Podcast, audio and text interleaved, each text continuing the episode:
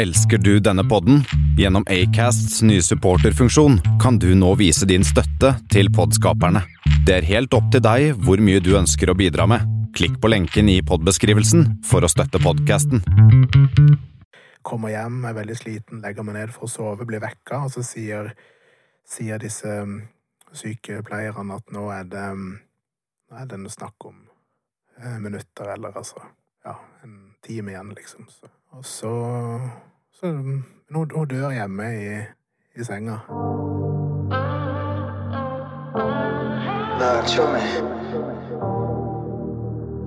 It is God's love.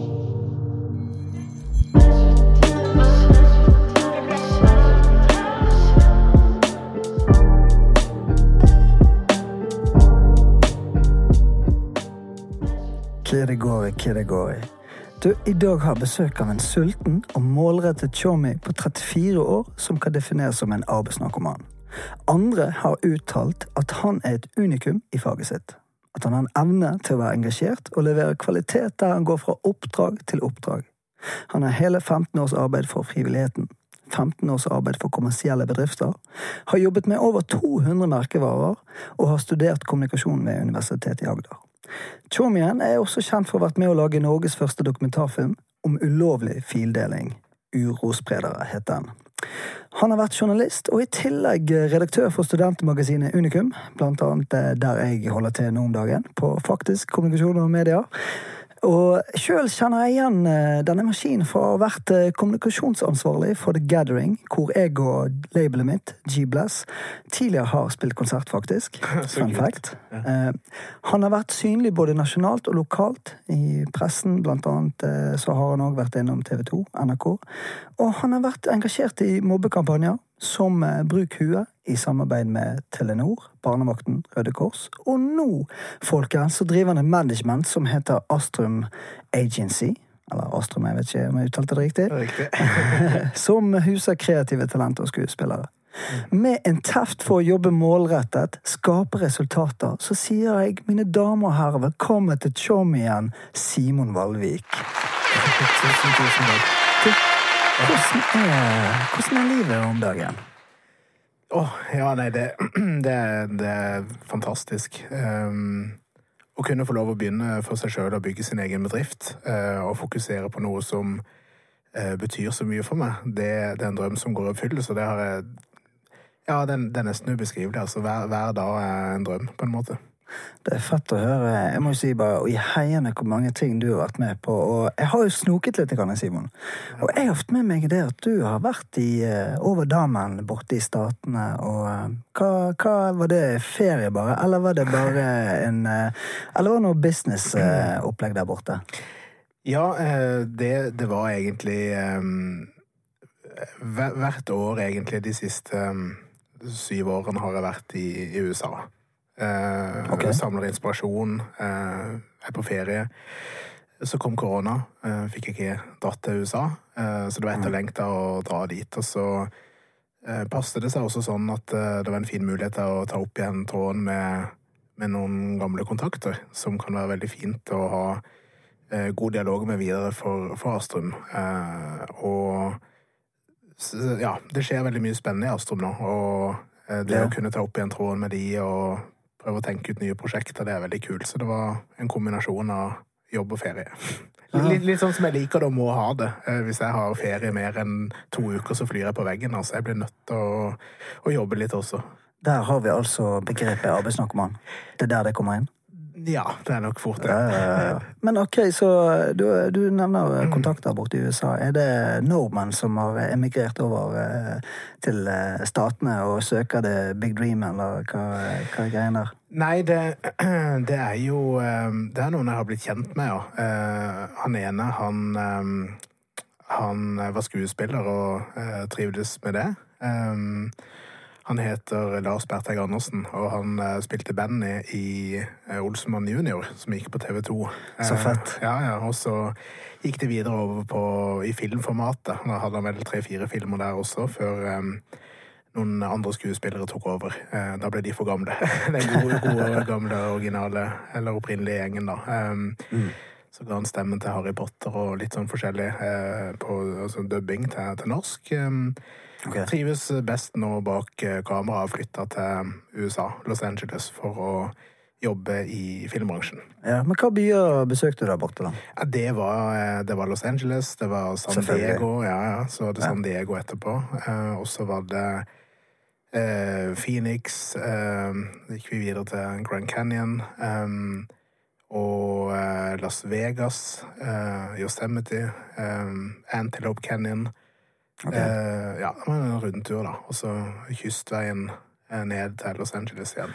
Ja, for det, det var ikke bare Simon med ryggsekken eh, på ryggen og bare heise rundt alene. Det så ut som du hadde en showmy med deg òg der. Ja, det, det stemmer det. Jeg hadde med meg Businesspartner, eller bare Ja, en han, ja han, han eh, er en av talentene som jeg representerer. Han heter Mikael Lien. Ok, Han ja, gjør mye, på, mye spennende på TikTok og prøver å, okay. å jobbe med veldig mange spennende prosjekter for tida. Ja. Så det ble litt um, eh, Litt innspilling av litt diverse ting eh, for okay. han der også. Mm. Ja, men hvor lenge var dere borte nå? Vi var borte i ti dager. Ti dager, ja. Ja. Så det var en effektiv eh, tur på ti dager?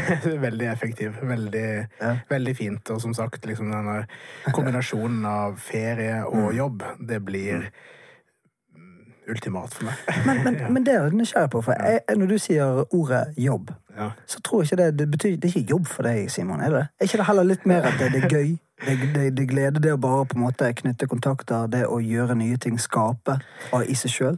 Oh, jo, det, det, det, er så, det er så fint når du sier det, for Ja. det, det er jo sånn det føles. Men Ja. jeg har vel kanskje lært litt at andre reagerer litt på ja, men må, må du ikke slappe av, må du ikke ta Så jeg må liksom passe på å si det, men, men eh, jo, jeg er helt enig. For, for meg så handler det om at, at jeg kan, kan slappe av. Jeg jeg er i flytsona, da. Eh, Jeg trives så godt med det. skaper gleden, og det å kunne få lov å Ja. være med på noe stort og, og eh, både realisere egne og andres prosjekter prosjekter og drømmer, da. Det gir meg så mye energi. Ok, men da er det interessant, for jeg har egentlig et spørsmål her som Når du går inn på dette her. Mm. For din drivkraft, Mm. det å skape, hvor kommer den fra? Det kan sikkert være et veldig stort, svevende spørsmål, men, men, Ja. men, men jeg er litt nysgjerrig. Når du sier at du, du, du brenner for å se andre, Mm. ja. Eh, er det noe du har båret med deg i mange år? Det er også på en måte hjelpe andre til å lykkes? Eller blomstre med sine gaver og talenter?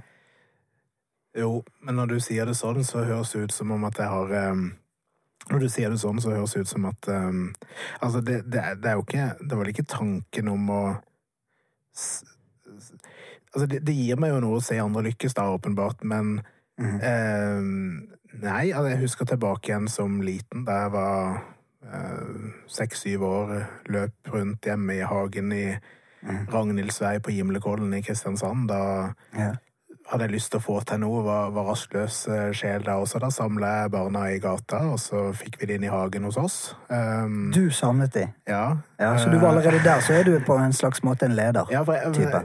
Jo, men jeg jeg tenkte tenkt en del tilbake på det. Ja. Um, og da eh, ble det hagefest hvor jeg inviterte og la lapper i postkassa, og okay. folk hadde sine egne nummer. De skulle Noen sang, noen hadde vits, og noen gjorde noe sånn standup og komedie, og jeg var liksom den som sto der og 'Nå skal du på, nå skal du på', eh, og styrte de. Og så hadde jeg liksom alltid hatt en sånn teknisk interesse, så vi hadde installert sånne du vet, sånne barnevakter du, som du er kalt som du putter i strøm, og så Ja, ja, ja. jeg brukte det som mikrofon, så vi ha den som høyttaler under stolene eh, på de som satt ute i hagen, og så hadde vi våre numre da på. Foran der, men jeg var jo, hadde jo ikke noe nummer sjøl, da. Jeg, hadde, jeg var konferansier på en måte og passet på at eh, Ja. folk kom seg på scenen. Og, ja, så Så fett. så det, det, det, begynte vel sånn sett ganske tidlig, da. Ja, det gjorde det, ja. Men det er veldig fett at du bare hjelper meg å dra tilbake igjen til eh, de gode gamle dager. For dette, Simon eh, Simon heter du. Og jeg har jo eh, snust litt mer på din eh, Instagram-profil, blant annet. Og da så plutselig her en dag så poppet det opp et eh, barnebilde av deg. ja. Ja. Og du er jo adoptert. Ja, stemmer. Ja. Hvor ja. kommer du egentlig fra? Jeg ble født i Ecuador, og så Så du er latinamerikaner? Ja. Det liker vi. ja. Ja, ja. Det sies at jeg har indianergener. Det er jo litt ja.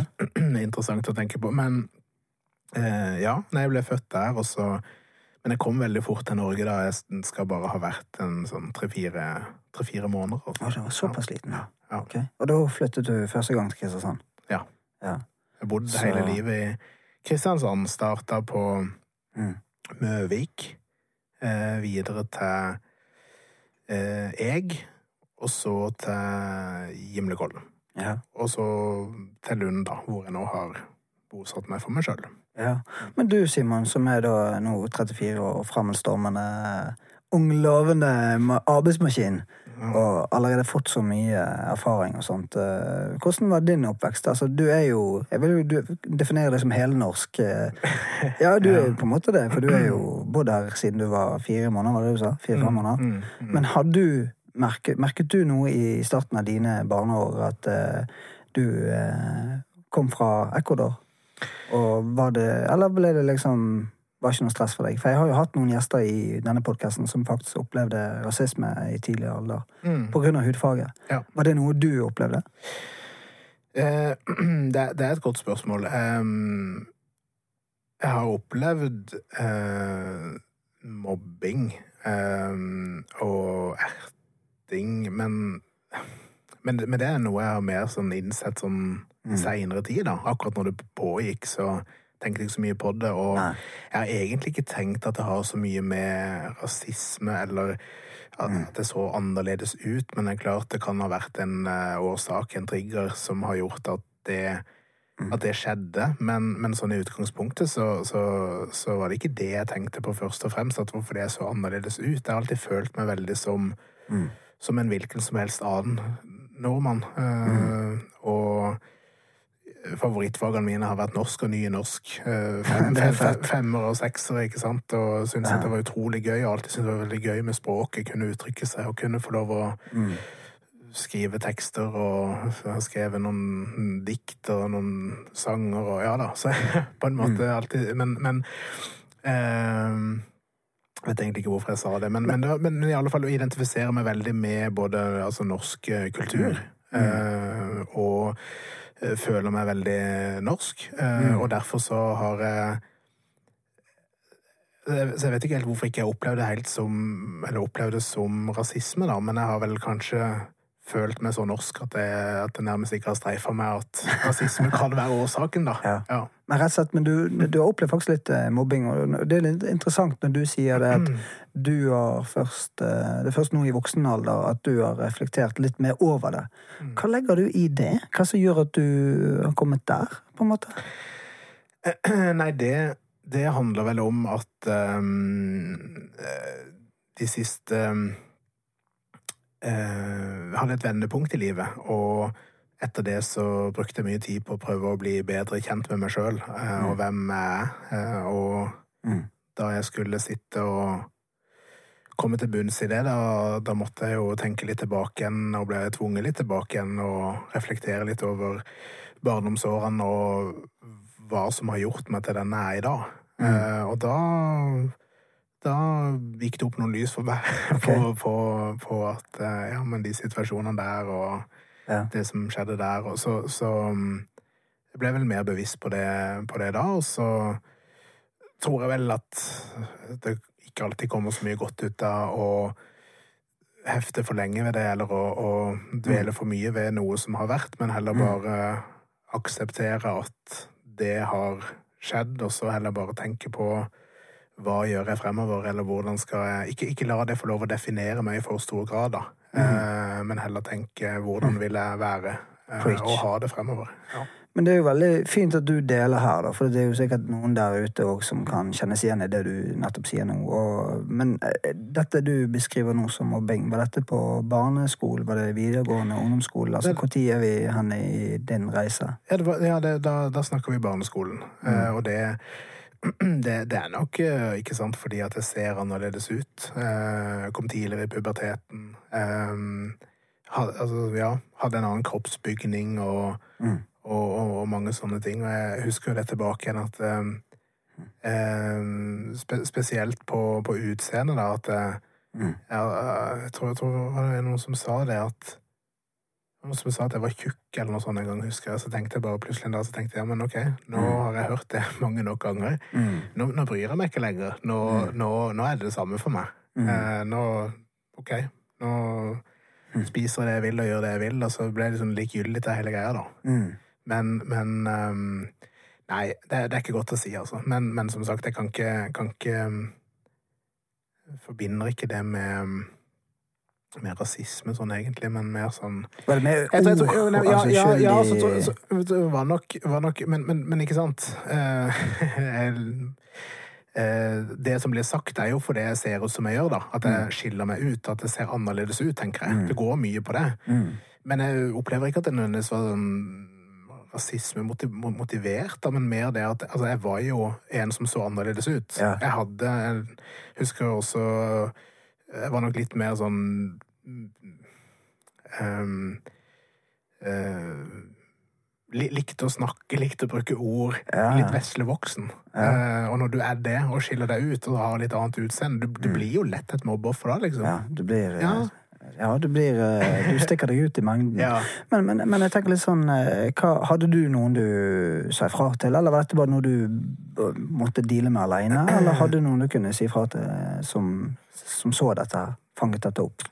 Nei, um, det var Det var noen av lærerne på skolen som hadde snappa opp dette, og jeg aner ikke hvordan. Men jeg, okay. har bare et minne om om minne av et møte hvor hvor, eh, hvor vi blir kalt inn, da, og hvor de, eh, hvor de spør hvordan jeg har det, og hvor, eh, hvor mamma og pappa er med, og Mm. um, at de, de opplever at jeg blir mobba på skolen. Ja. Så det, det er læreren som, som tar tak i det. ja. Men, Men, men, men jeg må også bare si det at jeg opplevde ikke Altså det opplevde jeg som litt rart, da. Fordi at eh, jeg følte ikke at jeg blei mobba sånn egentlig, hvis du skjønner. Okay. Men det har vel kanskje noe med at jeg følte at det var legitimt, eller ja.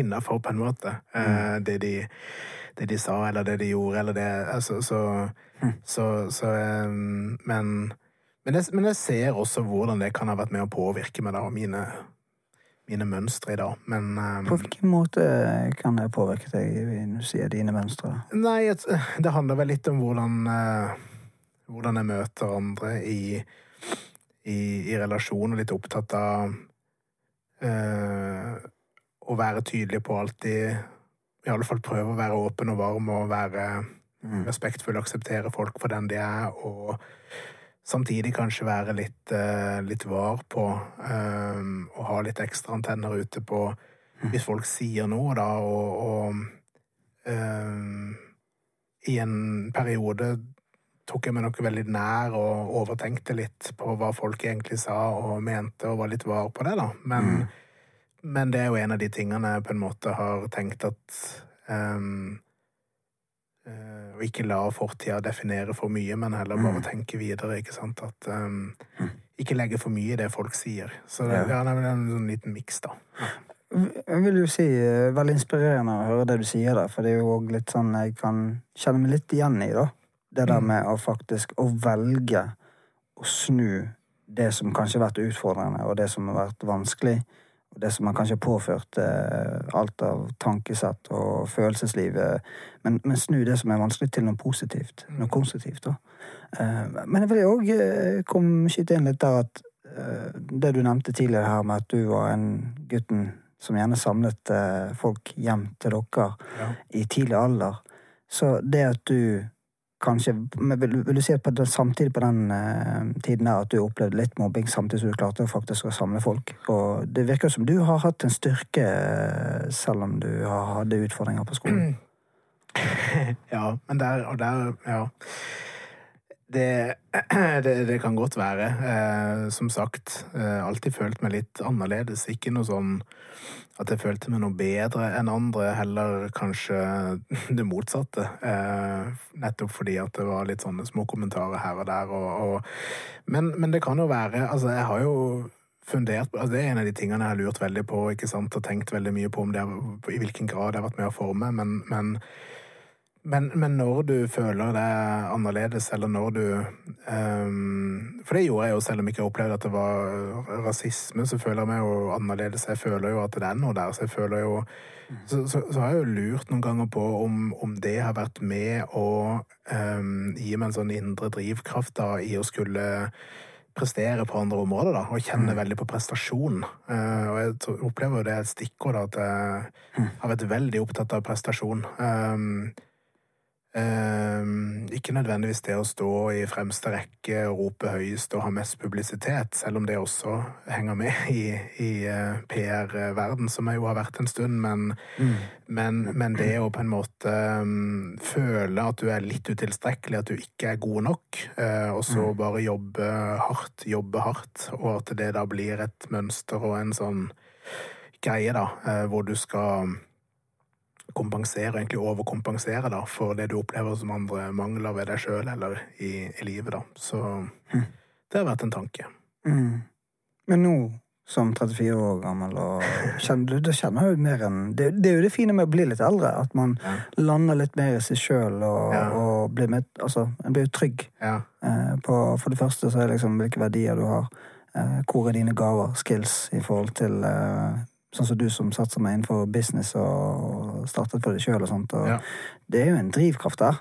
Og jeg syns det er veldig spennende å høre hvordan du eh, For meg fremstår du som veldig ydmyk, samtidig som du virker veldig målrettet. Når du først har prosjekt, så er du lojal overfor prosjektet og de du jobber med, og opptatt av å levere. Jeg, jeg tolker det litt sånn riktig her, kanskje? Ja, det er jo kanskje bedre å, å spørre, spør de rundt meg om, om, om det, men jeg, men, men jeg, liker jo å tro det du ja. sier der. Jeg liker jo å tenke at det er, mm. at det er sånn, og mm. det er i alle fall sånn jeg vil oppleves og vil at det skal være, da. Ja. Det det. Men, men, eh, Simon, dette vendepunktet, da. Mm. Hva som gjorde at du klarte å ta, ta noen valg her? Og, og, og vendepunkt er jo egentlig ganske kraftig ord. For det er jo en eh, Gjerne man tar noen viktige, avgjørende valg ja. for, å, for, å, rette opp kursen. Ja. Vil du si at eh, det er ganske nylig, eh, var det? At du, dette vendepunktet, eller er det, Nei, det kommer mange år tilbake? Det vendepunktet det ligger tilbake igjen til 2008. Så det er en, det er en god stund siden. Men, men, um, men det handler om at um, at jeg i 2007 uh, fikk vite at eh, mamma hadde uhelbredelig kreft og, eh, og, kom til å dø. Eh, og vi blei Det var hun sjøl som satt og fortalte den eh, Fortalte, ga oss den beskjeden i stua hjemme. Og vi sitter rundt bordet, ikke sant, med pappa, søstera mi og hun, og hun ville sjøl fortelle oss om den beskjeden hun hadde fått, og at de At legene tenkte at Eller trodde at hun hadde rundt et år igjen å leve, da. Um, og det um, Det året der, det husker jeg ikke så veldig mye av. Mm. Um, mye Mye kaos i, i hodet, da. Uh, mye mange spørsmål, og mm. Nei, det, det, året der fremstår veldig uklart for meg, faktisk, men For det var jo fortsatt Studerte ikke du òg, da? I 2008, eller var du Jo.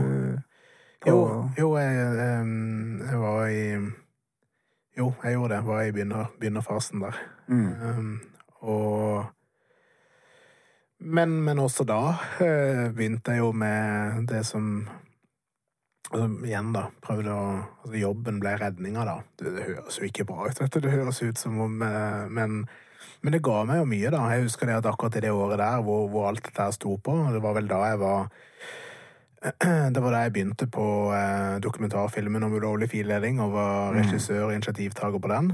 Eh, samtidig så var jeg journalist i Studentavisen Unikum. Jeg jobba i Telenor i 50% stilling. Eh, og jeg var pressesjef ved Dataparty-vikingskipet på Hamar. Mm. Um, alt, alt på én gang? Ja, alt på én gang. Um, mm. Og alle disse tingene kunne jo egentlig potensielt sett ha vært fulltidsstillinger, og så skulle jeg egentlig ha tid til meg sjøl og familien òg. Og for familien så ble jeg jo et sentralbord som hvor, hvor andre familiemedlemmer og venninner av, av, mamma eh, ringte, og jeg var jo den som i utgangspunktet likte å snakke, og brukte mye tid på å snakke med de, og, og mange triste samtaler og mye mm. Så jeg gjorde meg vel sjøl en Jeg vet ikke om en bjørnetjeneste, men jeg burde kanskje ikke ha ja. Det var litt vanskelig, og det ble sånn grenseutslettende, for, for altså, da ble jeg jo slukt inn i alt i, det året, og eh, Ja, så da For hvordan gikk det? gikk jo din eh, mamma, hun, hun eh, Ja, hvordan gikk den prosessen med Hun overlevde det jo Nei, altså, nei, nei, det... så hun, hun, døde 8. mars eh, 2008. Okay. Um, mm. Så um, Eller mener det var 2008. Uh, og eh, da var hun 50 år, uh, og jeg var 20. Mm.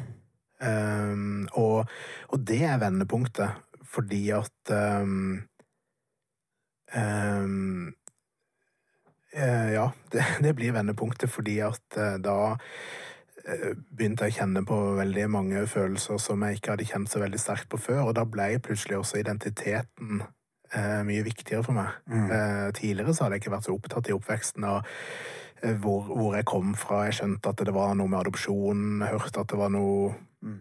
noe med adopsjon som kanskje ikke var som det skulle, noe som kanskje ikke stemte. Mm.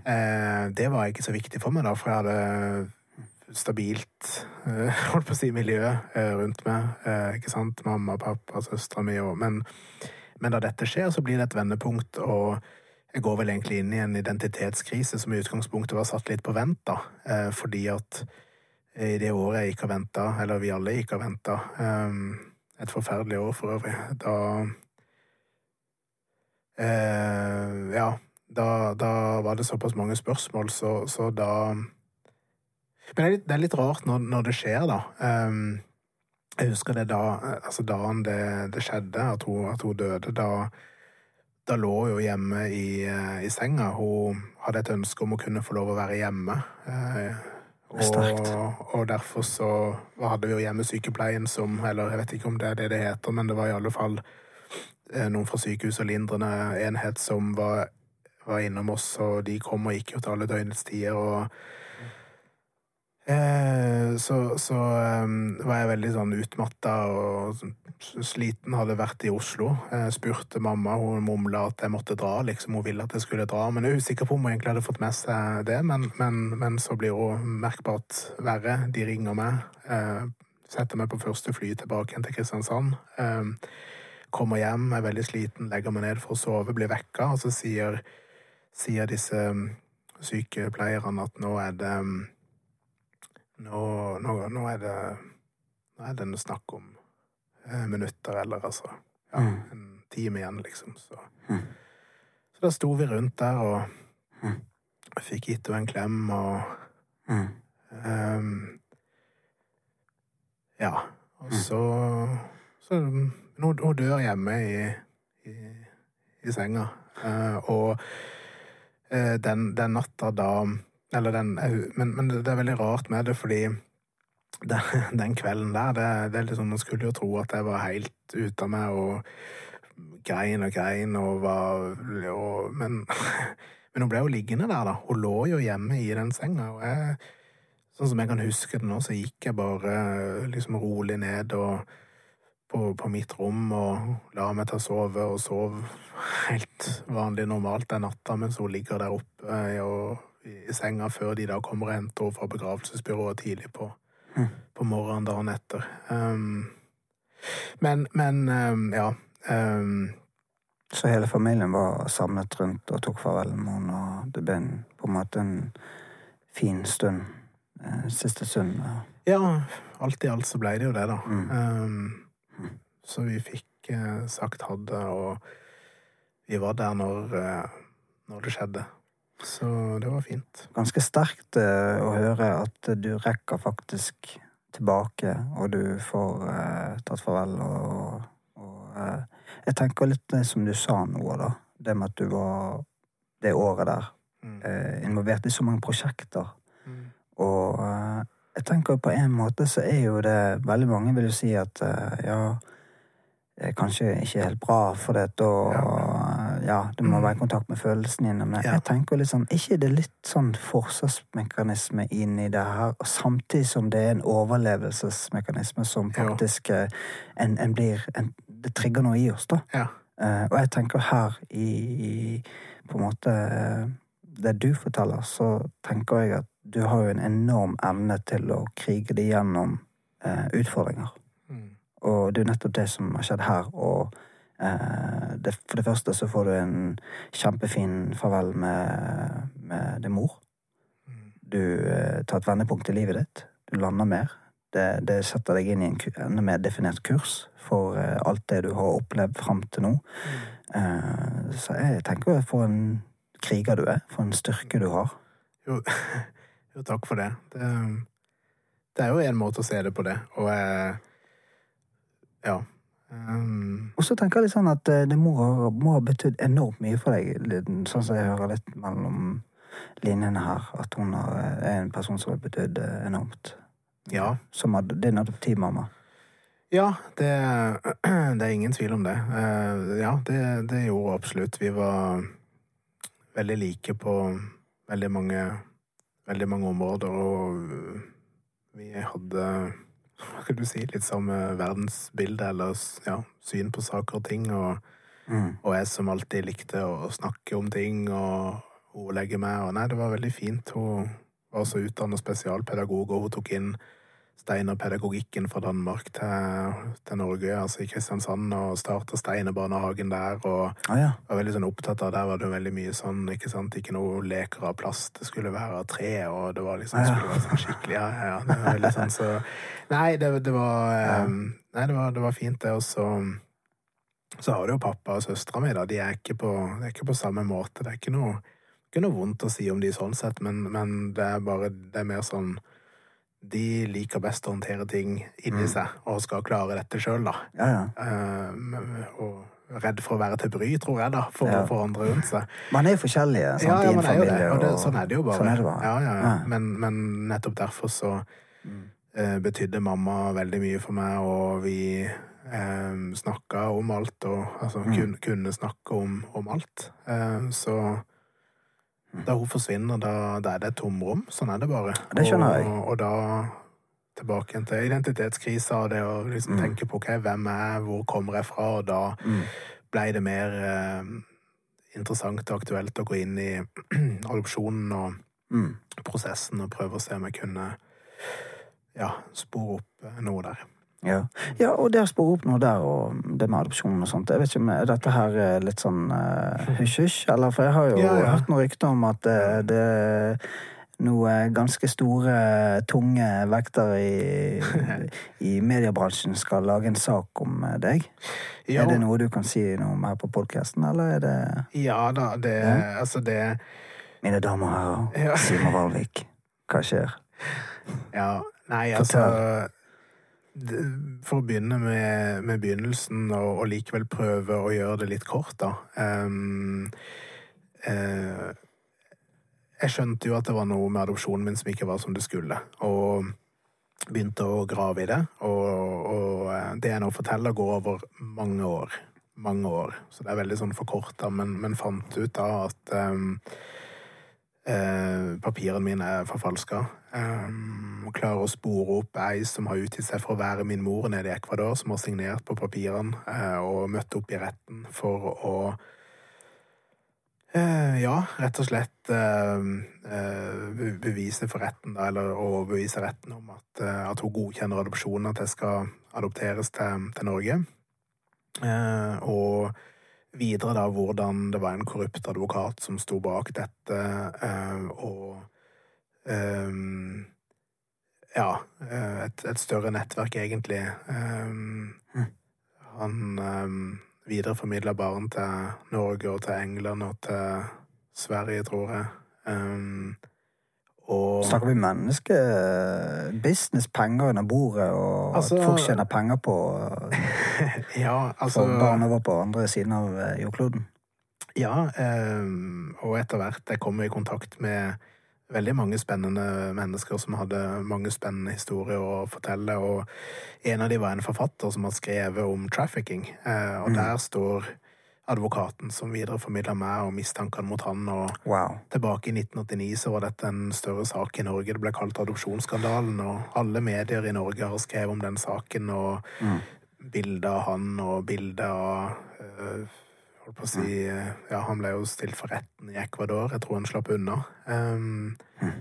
Så ja, det var, en, det var, en, stor sak, og jeg tror nok at um, det lå mye penger i det for, uh, for han og, og, de som dreiv i den uh, holdt på å si bransjen, da. Eller dreiv og videreformidla barn og tok seg, tok seg, betalt for det. Mm. Mm. Men ok, hvordan da videre? Hva som gjør at det er blitt en uh, greie av dette her? Kan man, kan man, si navn på hvem som gjør en uh, film om det? Eller blir det en dokumentarfilm, eller? Ja, sånn, ja. ja. ja. Nei, jeg tror jeg skal være litt forsiktig med å si noe om, okay. uh, om hvem som gjør hva, men ah, men, men det, det, jeg kan si, er at det har blitt veldig eh, satt på kartet i Norge etter en rapport fra Nederland. Ja. Eh, og da er det mange medier som har begynt å omtale adopsjon. Okay. Eh, NRK gjorde det for bare et par uker siden. Mm. Um, ja.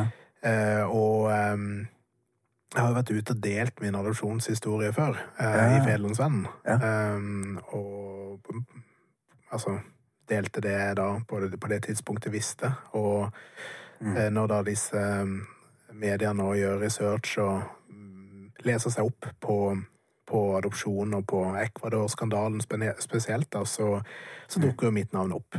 Og da tenker jeg også at det har vært naturlig at de har, at de har tatt kontakt. Jeg opplever at det kommer til å bli et stort fokus på dette mm. fremover. Og det er veldig mange aspekter, veldig mange sider ved, ved det. Um, men, men for, for, min del, da, um, så, så har jeg jo da klart å gjøre gjøre fremskritt, og jeg har klart å, med hjelp av ambassader og konsulat og eh, lokale folk i Ecuador og ja, eh, også hun som utga seg for å være min mor, for hun jeg snakka med, jeg har klart å spore henne på, få tak i henne. Jeg snakka med de som hadde meg som, um, wow. fosterforeldre i de månedene jeg var der før jeg ble adoptert. De har jeg også klart å finne. De har flytta til USA. Mm. Eh, så etter mye arbeid og mye om og men, så har jeg da klart å lande at jeg har At jeg har funnet eh, funnet den biologiske familien min. Og det er bare for eh, noen uker siden. Og det, wow. det, var veldig sånn spesielt, og jeg trodde aldri at jeg skulle klare det, og aldri klare å komme i mål i det hele tatt. Spesielt mm. med det utgangspunktet at mm. papirene er forfalska, men um, mm. Så det er mor og Altså din mor og far her i Norge, de ble rett og slett lurt og og måtte eh, Ja, det Ja, altså, de, eh, de forholdt seg jo til adopsjons... Uh, adopsjonsforum, som da var de som hadde ansvaret for dette. Um, og uh, ja skulle gjennomføre en adopsjon som alle andre som er interessert i å gjennomføre adopsjoner. Jeg betalte 30 000, var det vel, for det. Um, og mm. gikk gjennom en helt ordinær prosess, men så mm viste det seg jo veldig fort da at uh, det virka som det var noe som ikke helt var som det skulle. Mm. Men Har de snakket om dette i etterkant, at det var noe Her er det noe snusk? Eller? Um, ja, det har de. Men, men så har de vel heller ikke villet tro at det skulle være noe galt sånn egentlig, fordi at um, mm.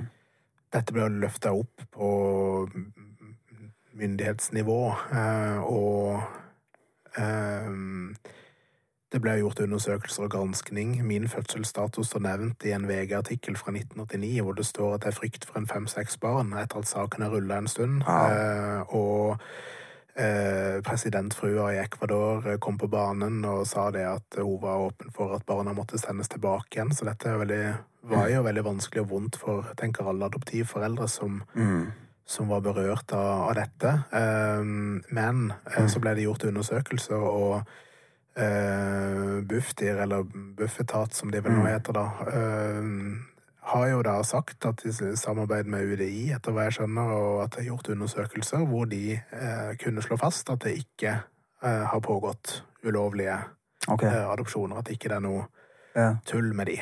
Um, og det er jo Mm. Noe jeg tenker da at adoptivforeldre i en sånn situasjon gjerne også da ønsker å tro på. Mm, Men samtidig så er det nok vanskelig for de å slå seg helt til ro med det når det har vært så mye oppstyr og så mye medieskriverier om Mm. det, og ikke minst da at eh, de nok ble litt sånn bevisst på prosessen og tenkte seg om et par ekstra ganger og tenkte at ja, men var det helt Mm. Var det litt rart at, at han sa det, eller at hun gjorde det, og hvorfor fikk vi ikke akkurat de papirene? Altså litt, litt sånn, da. At man begynner å stille spørsmål ved det. Men hallo, det er jo helt sinnssyke nyheter, eh, Simon. Mm. Altså Bare et par uker siden så har du faktisk eh, ja. Har du snakket med eh, familien din Ja. i? Ja, jeg har fått tak i de. Ja, FaceTime og full pakke? Eller er det bare på Nei, telefon? Nei, foreløpig kun telefon. Det, det er jo det er Så du har hørt stemmen til din mor? Ja. Biologiske mor? Ja. Og far? Nei, ikke far. Han er død. Han er, han er død? Ja. Ok, kondolerer. Ja, nei, det, altså det Ja. Nei, det Det, det, det, det er jo Altså, ja. Jeg følte jo på en måte ikke så mye som man kanskje skulle tro Eller hvordan skal jeg si det? Det var, det var mer sånn Jeg har jobba med dette her i så mange år at Ja. jeg var Du har på en måte forberedt Ja, jeg følte jeg var forberedt på veldig mange utfall. Ja. Veldig mye. Og, og så, så for alt jeg visste, kunne, kunne begge være, være døde. Og, Mm. og um, jeg er bare veldig glad for at jeg har klart å finne, finne de. Og, Mm. så, så jeg har jo da en, eh, en mor, og så har jeg seks søsken. Har du seks søsken? Ja, og de igjen har jo fått barn igjen, og de får jo det veldig i ung alder. Ja, da så plutselig så ble jeg lagt der på Facebook Ja, ja. av noen som så veldig ung ut, syns jeg, og så bare Hei, jeg er da sønnen til din, din bror, liksom. Ja. Så nå plutselig den store familien. Ja. Er det en stor familie her i Norge òg? Eller Kristiansand, eller Nei, eh, nei, Eriksen og Valvik-slekta som, Mhm. som jeg kommer fra, der er det ikke Det er ikke en spesielt stor eh, familie, det er det ikke. Nei. Eller en stor slekt. Men nå har sånn du plutselig fått en himla stor familie. Ja, det ble veldig, veldig mye. Veldig hyggelig. Og det Ja, veldig sånn eh, varme og veldig mye følelser. Og jeg kjenner det igjen i meg sjøl. ja, ja. Planlegges det noe besøk da i nærmeste fremtid? Eh, ja, det gjør jo det. Men, men jeg kan jo ikke spansk, vet du. Nei, det er jo egentlig spørsmål. Så når jeg sier eh, 'como esta', Ja, jo, men det du kan si bien' da, liksom, eller Ja, det, det kan være det Ja. kommer på det altså, etter hvert, men jeg vet i alle fall hva det betyr. Ja, ja. At ikke sant, hvordan men men, men uh, Du sitter face to face, bare litt sånn uh, fun fact her, men du sitter med en som faktisk har litt prosent i latinamerikaner i blodet. ah, Ifølge Jeg har sagt det her før, så jeg skal ikke repetere. Men uansett, jeg elsker spansk. Ja, Så jeg har lært meg noen gloser. Kult. Så ja. Men uh, ikke veldig mye. Ja, Men det er noe du kunne tenke deg å lære deg, da? eh, I forhold til det at du har uh, spansktalende familie. Eh, ja, nå har jo det blitt veldig aktuelt, da. Ja. Eh, så jeg bør jo kanskje se om jeg ikke kan bruke litt tid på det. Ja, det er litt sånn der Ok, det er bare å lære seg spansk. Det er ikke bare bare det. Nei, jeg tror jo Det- ikke det. Men det er noen som sier at det skal være et lett språk å lære, men jeg Ok. er litt sånn Ja, det, Ja. Det men, men, men jo, altså de, de, de spør meg jo regelmessig om når jeg kommer, og det hadde vært fint å se deg. Jeg gleder meg til vi kan møtes ansikt til ansikt, og jeg håper du kommer snart, og, og, og sånn. Men, men eh, jeg har jo også sagt til de at eh, Mm. det hadde jo vært uh, greit for meg å komme ned dit og kunne si noe mer enn um, en hei og ha. Altså at du Ja. Snakker de engelsk, da, eller? Nei. Nei, så det er bare ingenting. De, de kan ingenting engelsk overhodet. Så du må, du må rett og slett alliere deg med en, eh, med en eh, oversetter som kan være med og Ja. Ja. Så på telefonen, når vi har snakka der, så så har det vært med en eh, tolk, da. Det var egentlig det jeg skulle si. Ja. Ha med deg en tolk Ja. som oversetter. Ja, ja. Så, så, så det har vært Ja, Google Translate det kan jo funke til nød. Ja, ja. Jo kan bli litt feil, det òg, Ja, det, det kan det. Ja. Og det merker vi jo, for vi skriver jo til hverandre mye nå. Ja. Og jeg merker jo det at den um... Grammatikken er vel kanskje litt annerledes, eller? Ja, og så er de ikke så veldig opptatt av komma og punktum og Nei, nei, nei, store bokstaver og sånn, da. Så okay. det smelter sånn med noen ganger vi sitter og gjetter ikke? Ja, hvor skal jeg sette punktum i dette setningen. Så, ja, så prøver jeg. Det, det, det var veldig spesielt, for det var én setning med noen som skrev noe, så satte punktum ett sted. Så ga det perfekt mening på en måte. Okay. Så det flytta jeg punktummet, så ga det perfekt mening, men med en annen betydning. Så tenkte jeg bare dette, var veldig rart. Så det er litt sånn, så det er litt sånne fallgruver der, da. Så, så jeg hvis det er noe jeg har vært veldig opptatt av å avklare, så har jeg fått en tolk med på, på tråden, og så har vi ringt, og så har jeg fått avklart, avklart okay. sånn at det slipper å være noe tvil. Ja. Nei, men spennende. Det er jo eh, Det skjer jo noen positive ting i livet ditt nå. At du har Ja, eh, det- Vi skal gå litt mer inn på dette her med sånn business og sånt, da. Men jeg har lyst til å spørre deg, i og med at du har vært med på så veldig mange ting, eh, da ønsker jeg å, å høre med deg Er det noe spesielt som du har vært med å jobbe med, eh, som har betydd ekstra mye for deg? Oi. I og med at du har jo vært involvert i mye, Simon. Ja, jeg, ble, jeg merka det i starten her. Jeg ble veldig sånn ukomfortabel når du gikk gjennom den, den, den lista. Altså det, det Ukomfortabel? Hvorfor det? Nei, for, for det er noe med at jeg, jeg syns ikke at eh, Eller altså, det, det er jo Det er jo noe jeg er stolt av, selvfølgelig er det det. Men samtidig så er det liksom sånn Han har vært med på det og det og det og det, og det er sånn veldig Altså Det høres det større ut enn det du føler sjøl? Ja Ja, det, det, det, gjør jo på en måte det, men det høres også ut som en massiv skryteliste, som jeg jo selvfølgelig på gode dager kan være stolt av. Her men på kommer dårlige- Simon ydmyke siden fram. Men, men, men, Ja. på, dår- men sant, på dårlige dager så er det veldig sånn Ja. at, at da Ja, men det er bare en skryteliste og en som tror han er noe bedre enn andre, og Så, så det er litt sånn, det er litt sånn dagsavhengig hva jeg, hva jeg tenker om det. Okay. Ja, vet du, jeg tror det. Jeg Men, men, men jeg pleier, pleier ikke å, Mm. å legge men, men, men, men jeg skjønner jo at um, ja, men, men jeg er veldig glad for Altså, det har jo gjort at jeg har fått uh, muligheten til å starte uh, managementet mitt nå, og uh, Så du vil trekke det fram som var kanskje det mest eh, gøye og mest givende spennende nå, da?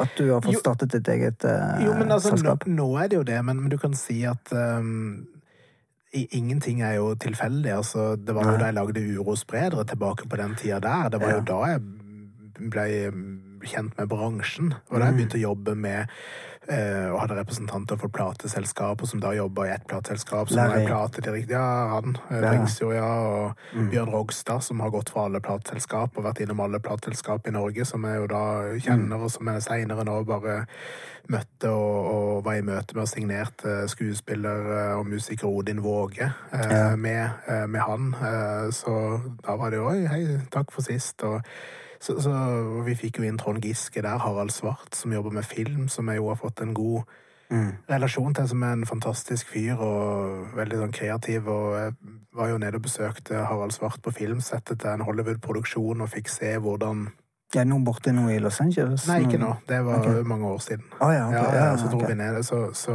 han har jeg egentlig hatt en, en eh, ja, jobba i, i flere prosjekter, egentlig, okay. med, med han. Spennende. Eh, ja, men så, så, så du kan si det at um, det begynte jo kanskje da, den nettverksbygginga, hvis du kan si det sånn, da. Ja. Eller de, de relasjonene og den passionen jeg hadde for den bransjen når jeg lagde en film om ulovlig fildeling, for da var det nettopp kulturbransjen jeg Mm. møtte. Mm. Og så har jeg sett nå i ettertid, når jeg nå skal da starte managementet, og Mm. at bransjen er jo ikke så stor i Norge. Så da viser det seg at ja, men jeg kjenner jo han, eller jeg kjenner jo hun, og snakka Mm. med de før, og jeg har en sånn viss formening om hvordan ting, har, Mm. hvordan ting funker, da. Uansett om du er 20 eller 50 Ja, det går opp og ned her i livet Bare fortsett å smile I Det går opp og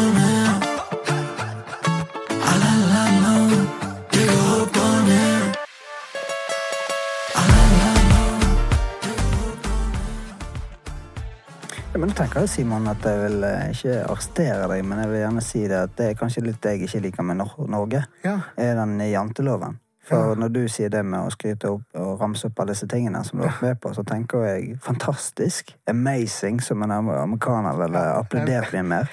For det, det er jo litt den der eh, mentaliteten her i Norge, kanskje, at en skal ikke tro en er noe mer, eller noe sånt. Jeg tenker jo for en inspirasjon, for en, for en maskin du har vært. Jeg syns du er jo skamfett, og, og så er jo det jeg som heldigvis sitter her i rolle kan gi deg den introen, bare for å gi deg en påminnelse om hva du har vært med på. Ja, det er veldig hyggelig at du gjør det. Blir fremdeles like ubekvem, men Men, eh, men, men, det, men, men altså, jeg, er jo, jeg er jo helt enig med deg. Men, det er lettere når ikke det er meg som sitter på mottakersida det. Jeg, jeg. har jo nå mine, mine talenter, og jeg føler sjøl at jeg er veldig flink til å si til dem, fordi flere av de er også veldig opptatt av å liksom ikke være noe, ikke skille seg ut og ikke tro at de er noe. Og da er jeg den første til å si hva i all verden, hvorfor sier du det? Ja, ja, ja. Du har jo gjort det, og du har gjort det, og du har fått den anmeldelsen, og du, du, ja. du, du er dyktig, liksom. Og jeg prøver å passe på å si at, eh, at jeg er stolt, og at jeg, ikke sant? Altså, prøver å trekke de opp og si ikke vær redd for å Mm. vær, altså, vær stolt av den du er, og det du har fått til.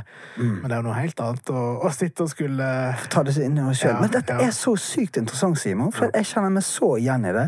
Mm. Jeg er jo en som eh, holder foredrag og ønsker å motivere Mm. andre til å fighte og, og snu det som har vært eh, kanskje utfordrende, utfordrende, til noe positivt og konstruktivt. Eh, ta ansvar for livet sitt.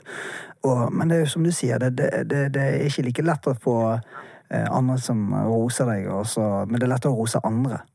Ikke sant? Men jeg tror jo det fine med at man har opplevd en del vanskelige ting, er jo nettopp at det gir deg kanskje en styrke da, til å oppmuntre andre igjen, for du ser det at du har kommet deg videre. Ja. Du har overlevd det, og du har overlevd det, og du, vi mennesker overlever det meste. Ja.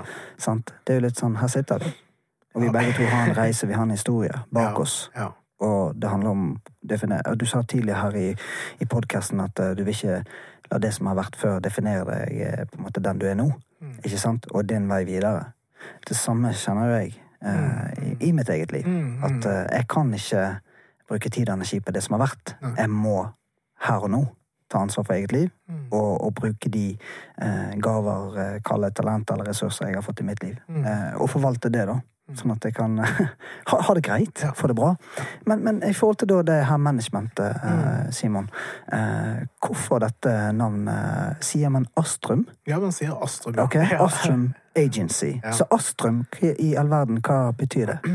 Nei, Hvor det, kom navnet fra? Ja, du, det er en eh, Det var, det var en lang prosess eh, hvor jeg inviterte flere, både venner og talenter, og, til, til å komme med innspill. Og, og det er jo eh, Det handler jo om verdensrommet, da. Det er jo eh, planeter og verdensrom og For i utgangspunkt tenkte jeg litt på at ja, men hva med altså et eller annet eh, Åh, ja, hva var det, hva jeg tenkte for noe? Altså, den lista var veldig lang. Men, men, men, men det, det, var, det var mye som virka litt sånn billig, hvis du skjønner. Det var mye sånn eh, Ja. Plutselig så kom jeg jo ikke på noen, eh, noen av de andre alternativene, da. Men det var veldig mye som, eh, som ikke var så bra. Men Astrum syns jeg var litt sånn tyngde i det, og det var det, det Også kombinasjonen da med den raketten som er i logoen, og det, det handler jo om å sikte, sikte høyt, eh, sette seg hårete mål, um, og være med på en reise, da. Fordi at um, Kult. det er en sånn en, en, en reise, men med, med en gjeng, da, hvor vi reiser sammen i denne, i den raketten eh, mot, eh, mot månen, mot eh, eh, i ukjent farvann, eh, navigerer oss mellom planeter og alt det som hører med der, da. Eh, overvinner utfordringer og eh, samtidig som jeg også da sier at jeg skal snu opp ned på bransjen. Og det kan jo tenke hvordan det føltes for meg å skrive et sånt setning. Så Sette, det på forsida at jeg skal snu opp ned på en bransje, men, men Ja, hva legger du i det, Simon? Nei, det Snu opp ned på en bransje. Ja. Det her er mellomsesong, kjenner jeg. Ja, ja.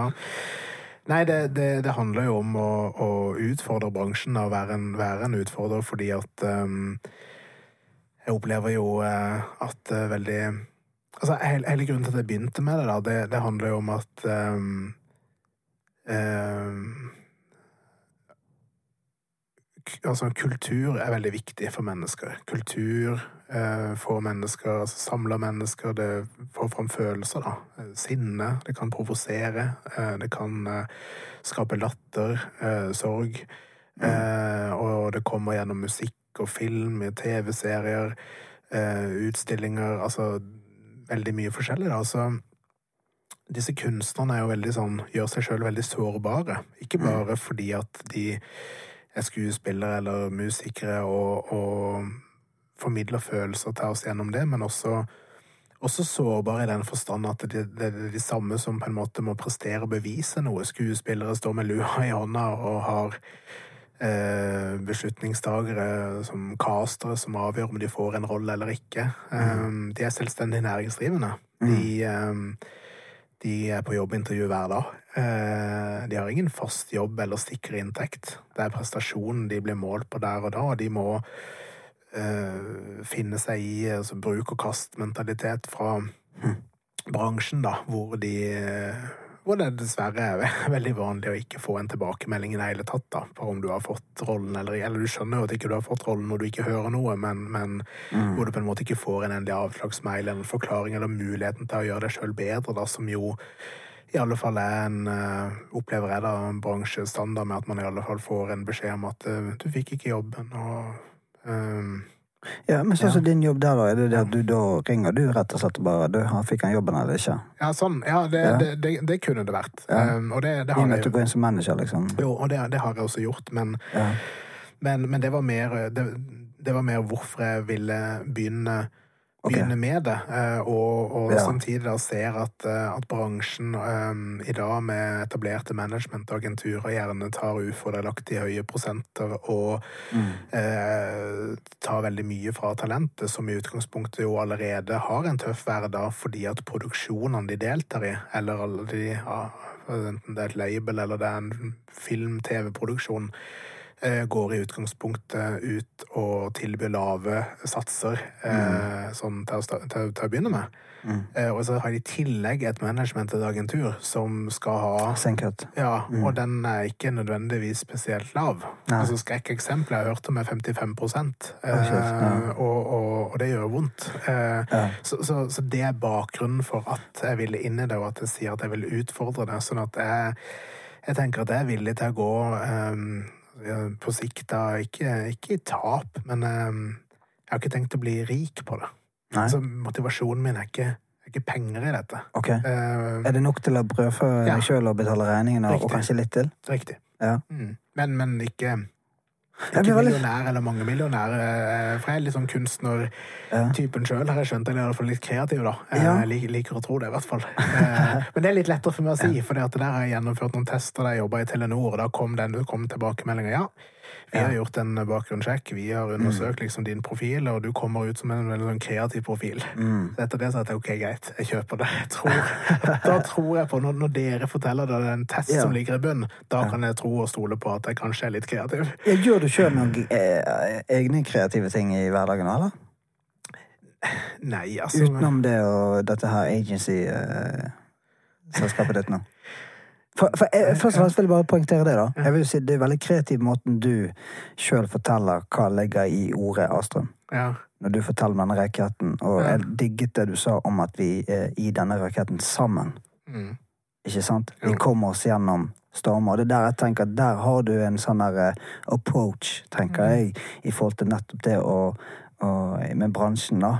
At du, du er villig til å gå ikke bare én, to, tre meter, men du er villig til å gå mange mil ekstra for Mm. at disse her eh, talentene, eh, skuespillerne, skal lykkes med sine prosjekter. Det, Mm. det, det synes jeg var fascinerende. Det var fett å høre. Ja. Det, ja, ydmykt og, og veldig eh, Tenker dere fra Ecuador eh, Du har jo noen greier der. For jeg- det- er fremstår- Latinamerikanere for meg fremstår veldig som var, mye varme. Det er greit at det er varmt klima der, men det ligger noe kanskje i blodet ditt som eh, kanskje du ikke helt eh, har tenkt så veldig mye over. Og så er jo selvfølgelig Du har jo fått en god dose med sikkert god oppvekst med din mor og din far, Ja. som eh, har vært eh, gode, varme mennesker for deg. Ja. Du har fått hjelp, du har fått mye på veien. Så det jeg egentlig kanskje skal fram til her, da, det er jo det at eh, du, du er jo en kreativ sjel som da skaper et eh, Starter et helt eh, nytt byrå og har en veldig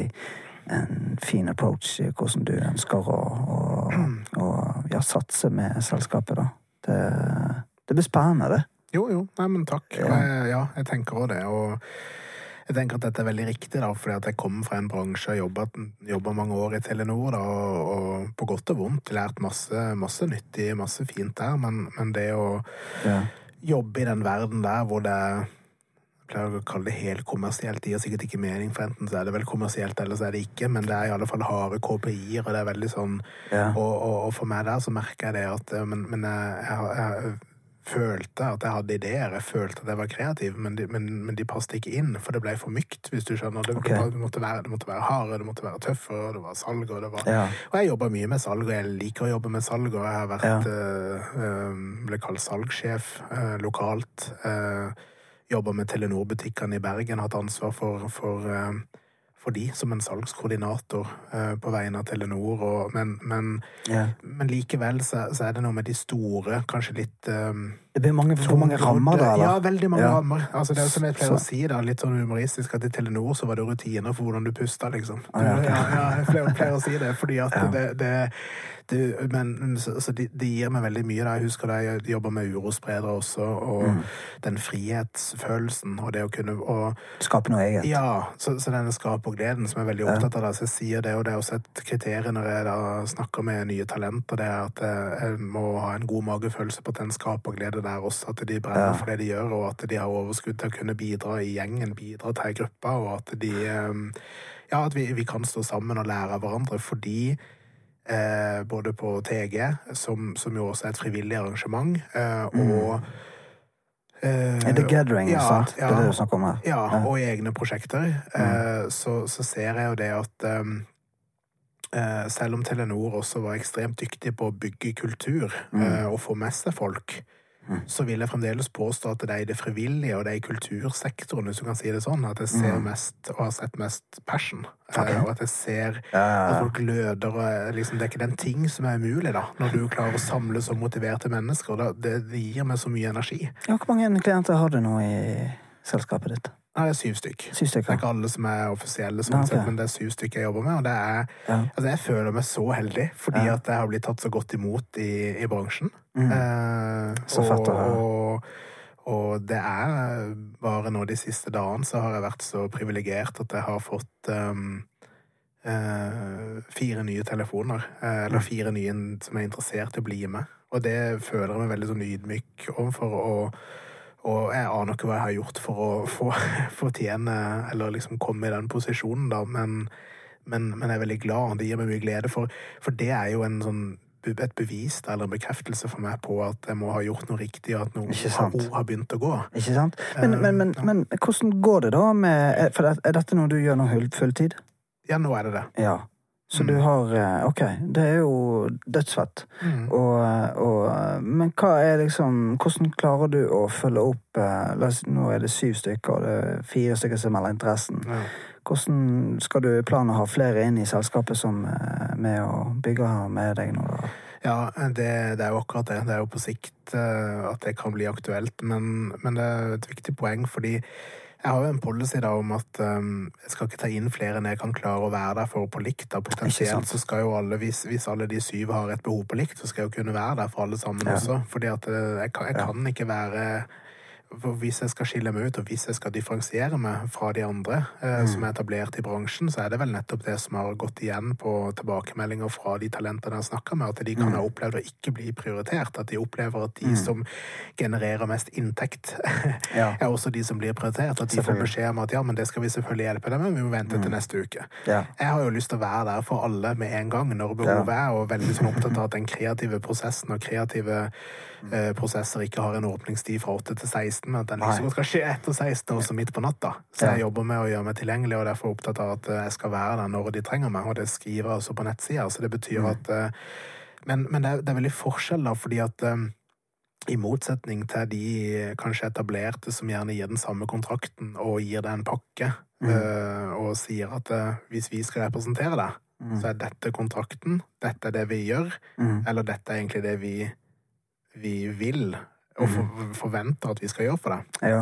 Så kan jeg gå inn og skreddersy ut ifra hver enkelts behov. ja.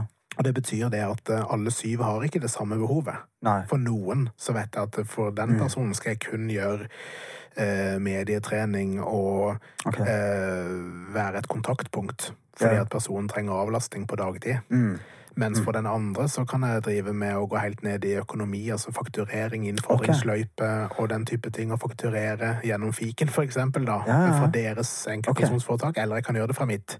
Ja. Eh, mens mens for, for andre så er det eh, det å, å ta en sånn Vurdere merkevare, eh, differensiatorer, kartlegge markedet.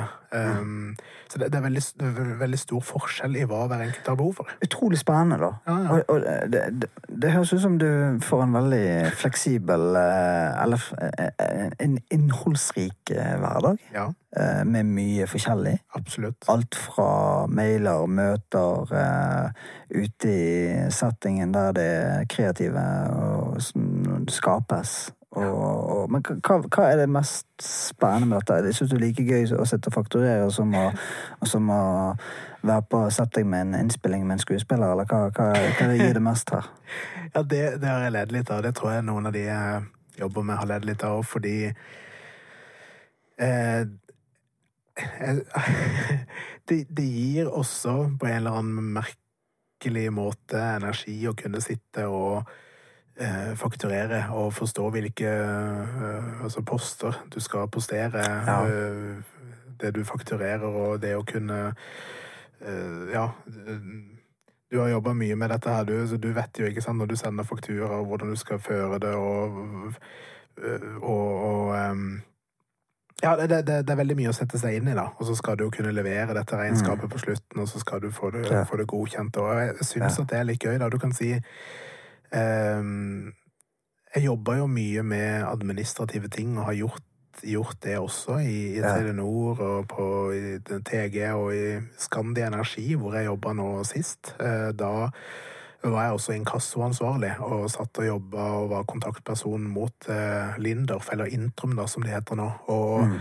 eh, representerte, representerte Skandia Energi i, em, i, eh, i rettssaker og Mm. så, så jeg har et øye for jeg har et øye for de tingene også. Mm. Jeg syns det er givende, jeg syns det er gøy. Ja, du er smiler når du sier på det. Ja, for jeg er litt sånn nerd på det også. Jeg syns det er gøy liksom Og på samme måte med Ikke det at altså, vi alle har jo sikkert tatt med Nav å gjøre en gang iblant, men, Mm. men for meg så blir det en utfordring, og så tenker jeg bare ja, men du, det, det Ikke sant? Ja. Det skal vi komme til bunns i, eller det skal jeg ordne, uansett hva det koster. Og så legger, setter jeg meg ned og så liksom leser meg opp og finner ut Mm. av hvordan jeg skal møte. Og den utfordringa der, den skal, jeg, den skal jeg klare, liksom. Ja. Så må det jo være givende.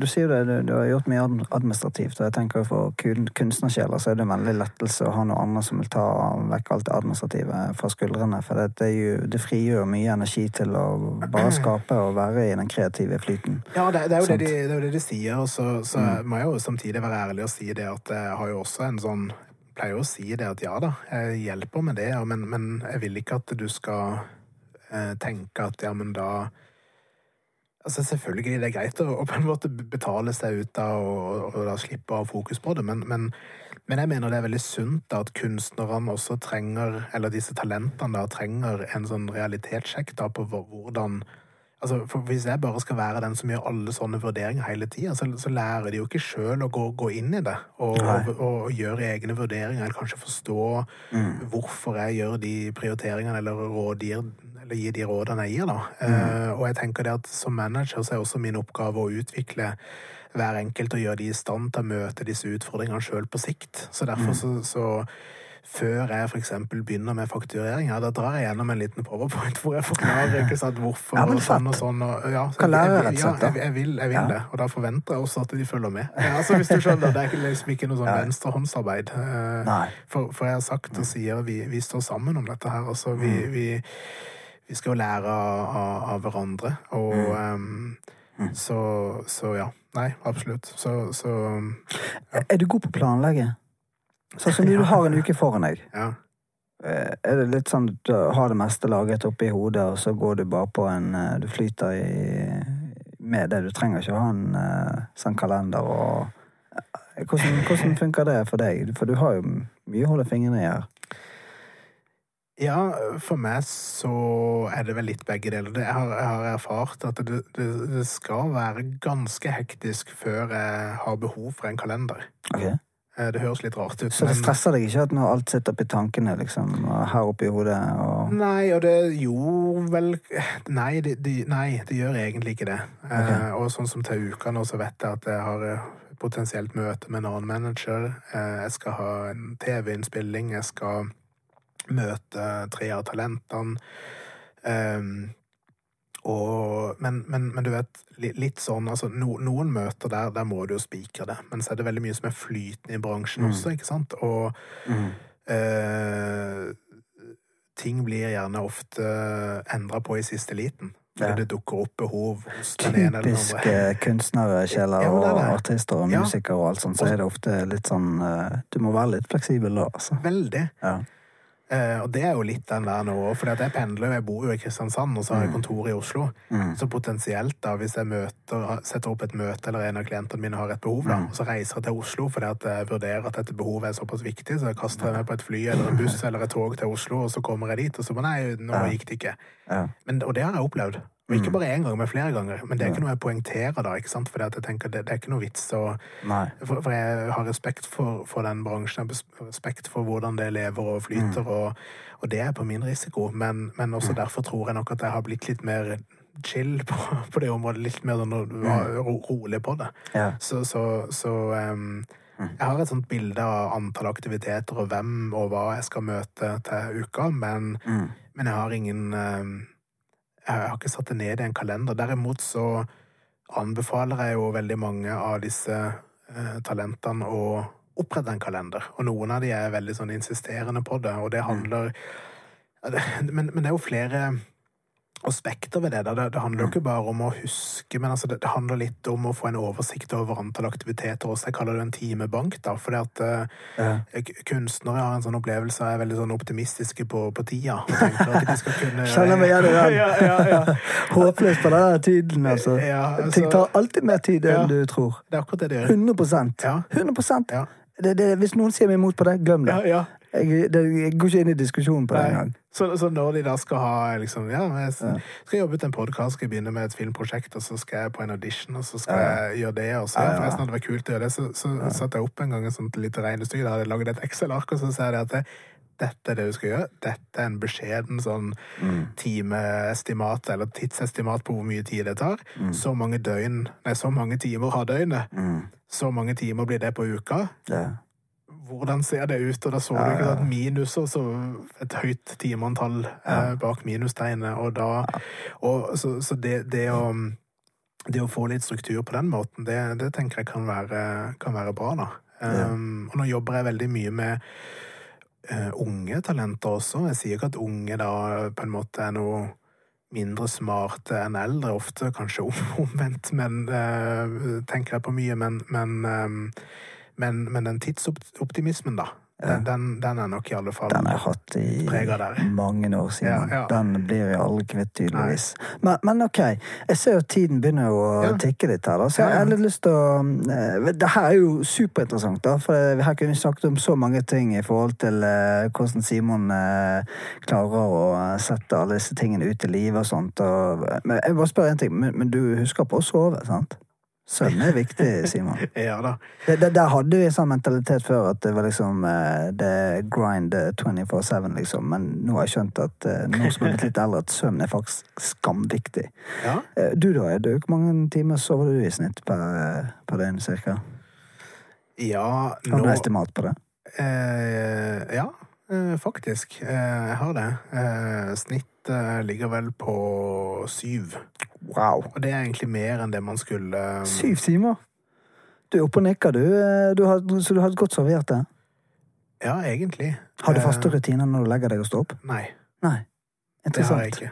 Ok. Er det fordi at du er sånn tilgjengelig for disse her klientene dine? At du er litt sånn Ja, Okay. det, det er det. Og, og det betyr at um, jeg kan legge meg veldig seint. Noen Ja. ganger, eh, også de siste ukene, så har jeg lagt meg ganske tidlig på morgenen. Men Mm. da har jeg også visst at jeg ikke har noen planlagte aktiviteter som kommer.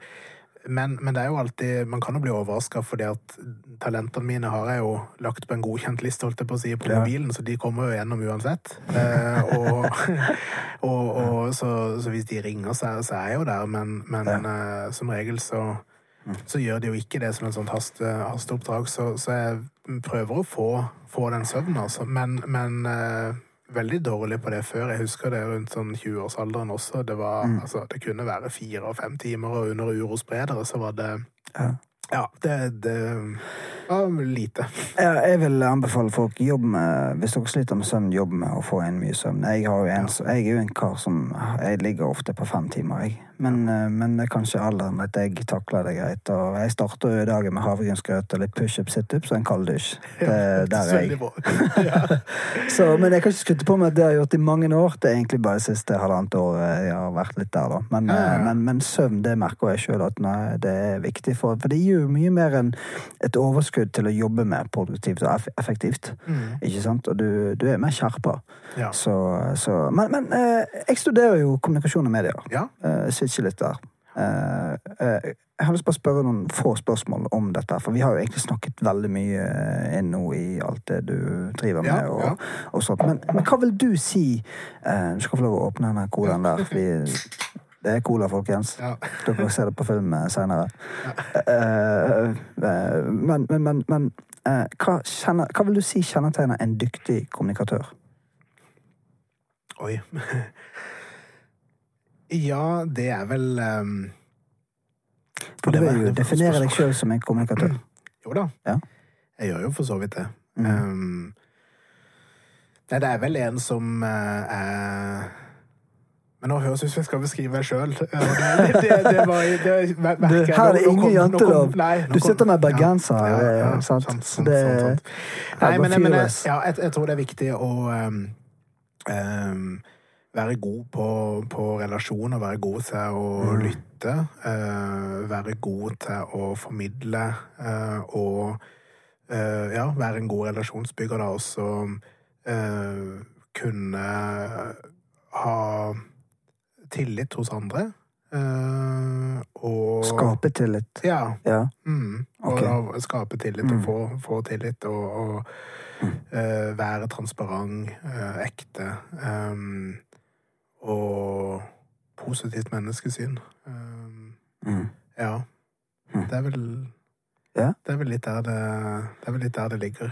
Eh, Men har du noen tanker om hvordan vi nå og i fremtiden kan bruke kommunikasjon til å kunne få frem et budskap til riktig målgruppe?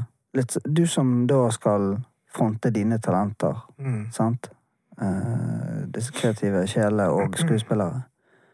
Hvordan kan du som manager hjelpe de til å nå sin målgruppe, på en måte? Ja. Kanskje litt vanskelig spørsmål jeg tenker meg om her, for, for liksom Men når du skal selge inn, da, ja. disse her, Ja. sant? Hva, hva, hva virketype verktøy bruker du da? Du skal eh, overbevise et eh, filmselskap til at dette her, det her er den rette skuespilleren. Ja. Dere må bare ha denne showmien her ja. med på laget. Ja. Nei, det er jo veldig sånn Altså, hvordan skal jeg finne en sånn fellesnevner på det? Altså, det for det, for det er jo så ulikt fra person til person hvilken fremgangsmåte vi, vi bruker. Eh, men eh, jeg opplever jo at eh, å være ærlig Det høres litt sånn rart ut, for ikke sant Uærlig, hva, hva, hvordan Hva er forskjell Altså men, men, men det å ehm, Man må spille på styrkene, i hvert fall. Man, man må klare å finne ut av i hvilken, på hvilken måte man skiller seg ut fra andre. eh, hva differensiatorene er, og eh, kjenne markedet. Definere hvem som er målgruppa, og da bruke de differensiatorene inn mot, eh, mot den målgruppa, da. eh, og prøve å fremheve alle de positive tingene. og eh, i, i møte med filmproduksjoner, TV-produksjoner eller hva det nå enn skal være, lese seg opp på, på hva det er de er på utkikk etter, hva de er på jakt etter. Mm. Se om det er en match, da. Forhåpentligvis er det jo det. Eh, hvis eh, skuespilleren eller influenseren eller hvem det nå er, vil ha det oppdraget, da. Og så prøve å fremheve, altså ikke spille, ikke bruke, for da føler jeg det er noe sånn uærlig og noe uek, altså uvektig i det, men, men at du finner ut ok, greit, hva er mine styrker i dette? mm. hva er talentets styrke i dette? Så eh, pitche eller pushe det, og så bruke veldig få ord, være effektiv i kommunikasjonen. Og det er litt sånn interessant, fordi jeg bruker veldig mange ord. Mange som møter meg, slår det jo at jeg er veldig glad i å snakke, og veldig glad i å Ja. bruke mange ord. Ja. Når det kommer til selve pitchen, og da gjør den kort, altså den såkalte heistalen, så er det den effektive kommunikasjonen når du skal liksom korte det ned, og hvert Ja. ord er viktig der. Eh, Så da går jeg litt inn i et annet modus. Ok. Ja. Ja, hvordan, la oss si da, jeg har lyst til å få med noen sponsor til den nye foreningen min. Ja. Ja. Ja. Og jeg har en hjertesak om å Enkelt og greit, kort oppsummert, da. Ja. To av tre i Norge som velger å avslutte livet sitt, er jo menn, Ja. i, i, stat, ifølge statistikken. Hvordan ville du da pitchet dette til en potensiell sponsor, hvis jeg skal da være rett på sak og overbevise? Nei, men det, da hadde du egentlig den perfekte starten, tenker jeg, der og da. Du går rett til kjernen av, av, av problemstillinga. Hva er problemet eh, du ønsker å løse, og eh, så, så det å starte med det, og så si det at, um, at dette vil uh, vår forening, eller dette skal vi ta tak i gjennom eh, Konkretisere de ja, eh, konkretisere aktivitetene gjerne eller bare tre prosjektene? ting. Ja, og så prøve å bare ha så få ting som mulig. Mm. Gjerne tre ting. Være veldig sånn presis og effektiv på det. Mm. Og så si det at på den måten skal vi bidra til å eh, ja, Redusere den redusere Mm. statistikken? den statistikken, ja. Mm. Eh, og, Hvor, hvor ja. viktig er da, for jeg nevnte jo før vi gikk på at eh, vi er jo innom semiotikkuttrykket. Uh, Ja. og hvor viktig er det visuelle, Uh, bruk av farger? Nå sa vi litt om ord, men hvor viktig er det visuelle i det å kommunisere? Eh, det eh, er nok undervurdert, eh, tenker jeg. Å, å, å bruke visuelle virkemidler er veldig virkningsfullt og veldig eh, smart. Eh, nå er det jo ikke alle som får muligheten til det, nettopp fordi at du møter på noen litt tilfeldig når du er på arrangementer og har behov for å ha inne den pitchen og kunne pitche den veldig raskt, og bruke de 10-15 sekundene på å kjøre Ja. pitchen.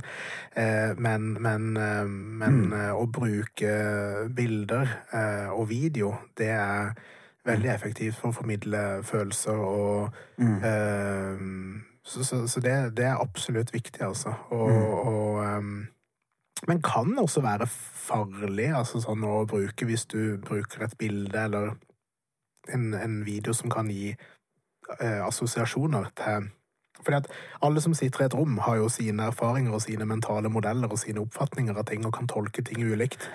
Så hvis man da bruker et bilde fra krigen, for eksempel, eller, og, og man har med noen elementer i det, og det tilfeldigvis er henta fra holdt på å si øh, Ukraina eller fra, fra, fra Pakistan eller fra noe, så kan andre oppleve det som politisk motivert, så blir de avspora fordi de har en personlig så, så man på en måte bruke Du kan trigge noe som eh, gjør at eh, du Ja. får et negativ respons, da. Ja, ja. Okay. Så, så der har jeg opplevd at folk folk bare henter noe fra Google, og så er de litt sånn ukritiske. Ja, okay, ok, det ser, Ok. det ser bra ut som et illustrasjonsbilde, og så bruker de det, og så gir det litt sånn uønska effekter. Fordi at de som sitter i rommet, og de, de, de blir litt sånn eh, trigga på det. Interessant. Ja. Har du noen gang eh, Du er jo du er dyktig på det du driver med. Og- og- og- Eh, Takk. men, ja. Ja, eh, har du noen sånne skikkelige opplevelser der du bare du går inn og er løs, du prøver å lande en avtale, og du kjenner du går derfra bare Yes, det her eh, gikk jo dritbra. Sant? Hva vil du si har vært eh, Nå har du sagt litt sånn noen gode tips her, da. Hva har vært mye din eh, den faktoren til at du har klart å overbevise noen, da? Med ditt prosjekt.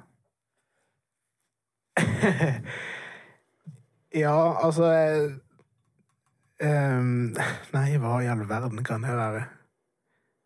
Det, det, det er jo veldig sånn pers... Altså Ja, du noe personlig, sant? Tror ikke du har litt med personlighet å gjøre òg? At man, Jo, man ser litt. For det, man kan vise veldig mye fancy bilder, eh, video og bruke bra ord, men ikke noe med den troverdigheten her. Jo, jo det er Og den ekte, ekteheten Det er ekteheten. i Ja, og, Ja.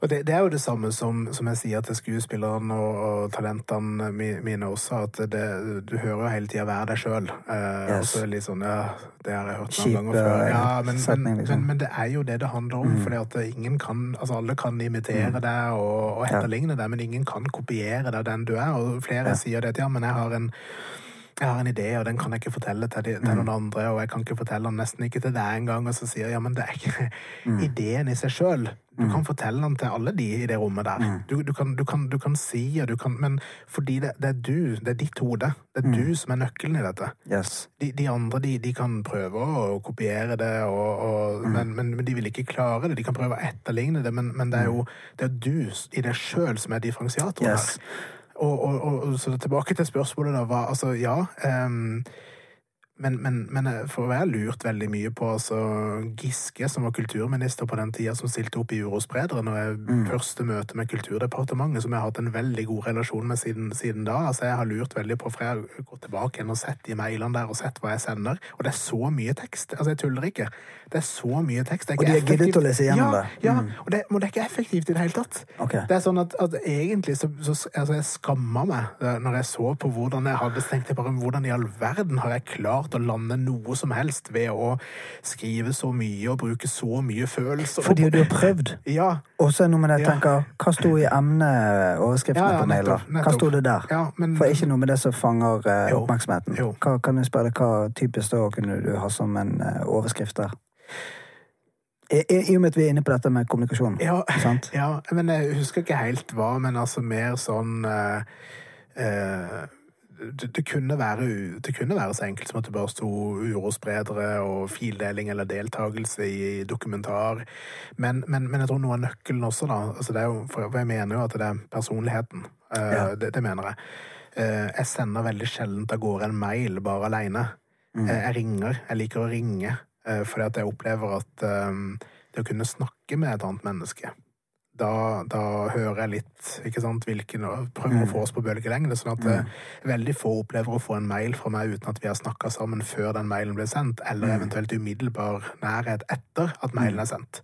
Ja. Eh, og da har de også fått et inntrykk av meg, og så, så føler jeg vel bare at det er litt sånn Jeg legger ikke en strategi før jeg ringer noen heller. Nei. Og det er det som er litt sånn rart, da. Men det bare ligger naturlig for meg. Jeg, bor jo i telefonen min og elsker å snakke med mennesker, så jeg bare Du er litt uredd, rett og slett? ja, ja. Okay. Og det kan, noen vil kanskje kalle det dumdristig, men så føler jeg jo at jeg har i all beskjedenhet da uh, lykkes mye med den type aktivitet eh, Så de, også. Ja. så de som hører på dette her, og jeg har jo en del medstudenter nå og, sånt, og Ja. det var faktisk et eh, råd som kom fra en av disse her eh, lærerne nå nylig, at eh, når man da skal jobbe med å eksempel skrive en reportasje, så er det noe med det at du, du sender ikke en, eh, bare en mail. Nei. Ring. Sant? For det, det er noe med det å få den direkte kontakten, og Ja. det er mye mer lettere å, å få avtaler eller få eh, svar på spørsmål eh, så ringer, Anna bare fyrer av en mail. Og så går det rundt og håper på å få et eh, Få en liten pling på innboksen, som så å si sjelden kommer. Ja, fordi at folk er veldig busy og opptatt. Ja, jeg vil, jeg vil si at det er det tilhører eh, sjeldenhetene at du, at du får napp da, altså. Fordi du, du, du, du eh, Altså, journalister eller redaksjoner spesielt, de, de, de eh, rennes jo ned av henvendelser hele tida. Alle vil jo nå igjennom, alle vil eh, sette seg sjøl og sine prosjekt på dagsorden. Så, så det handler litt om den troverdigheten òg. Det, det er et sånt uh, Fake news har jo blitt et begrep, og, og, og men, men, men det har blitt vanskeligere for journalistene å klare å navigere i det, og så er det mange Det har blitt en liten trend også at, at journalister gjerne blir forsøkt lurt, eh, kanskje i større grad nå enn tidligere. Okay. Så det å bli kjent med noen journalister, det å, å, å klare å Og det handler ikke bare om journalister, men det handler om bransjefolk også, uansett hvilken bransje de jobber i. Prøve å etablere en god eh, dialog og god tone.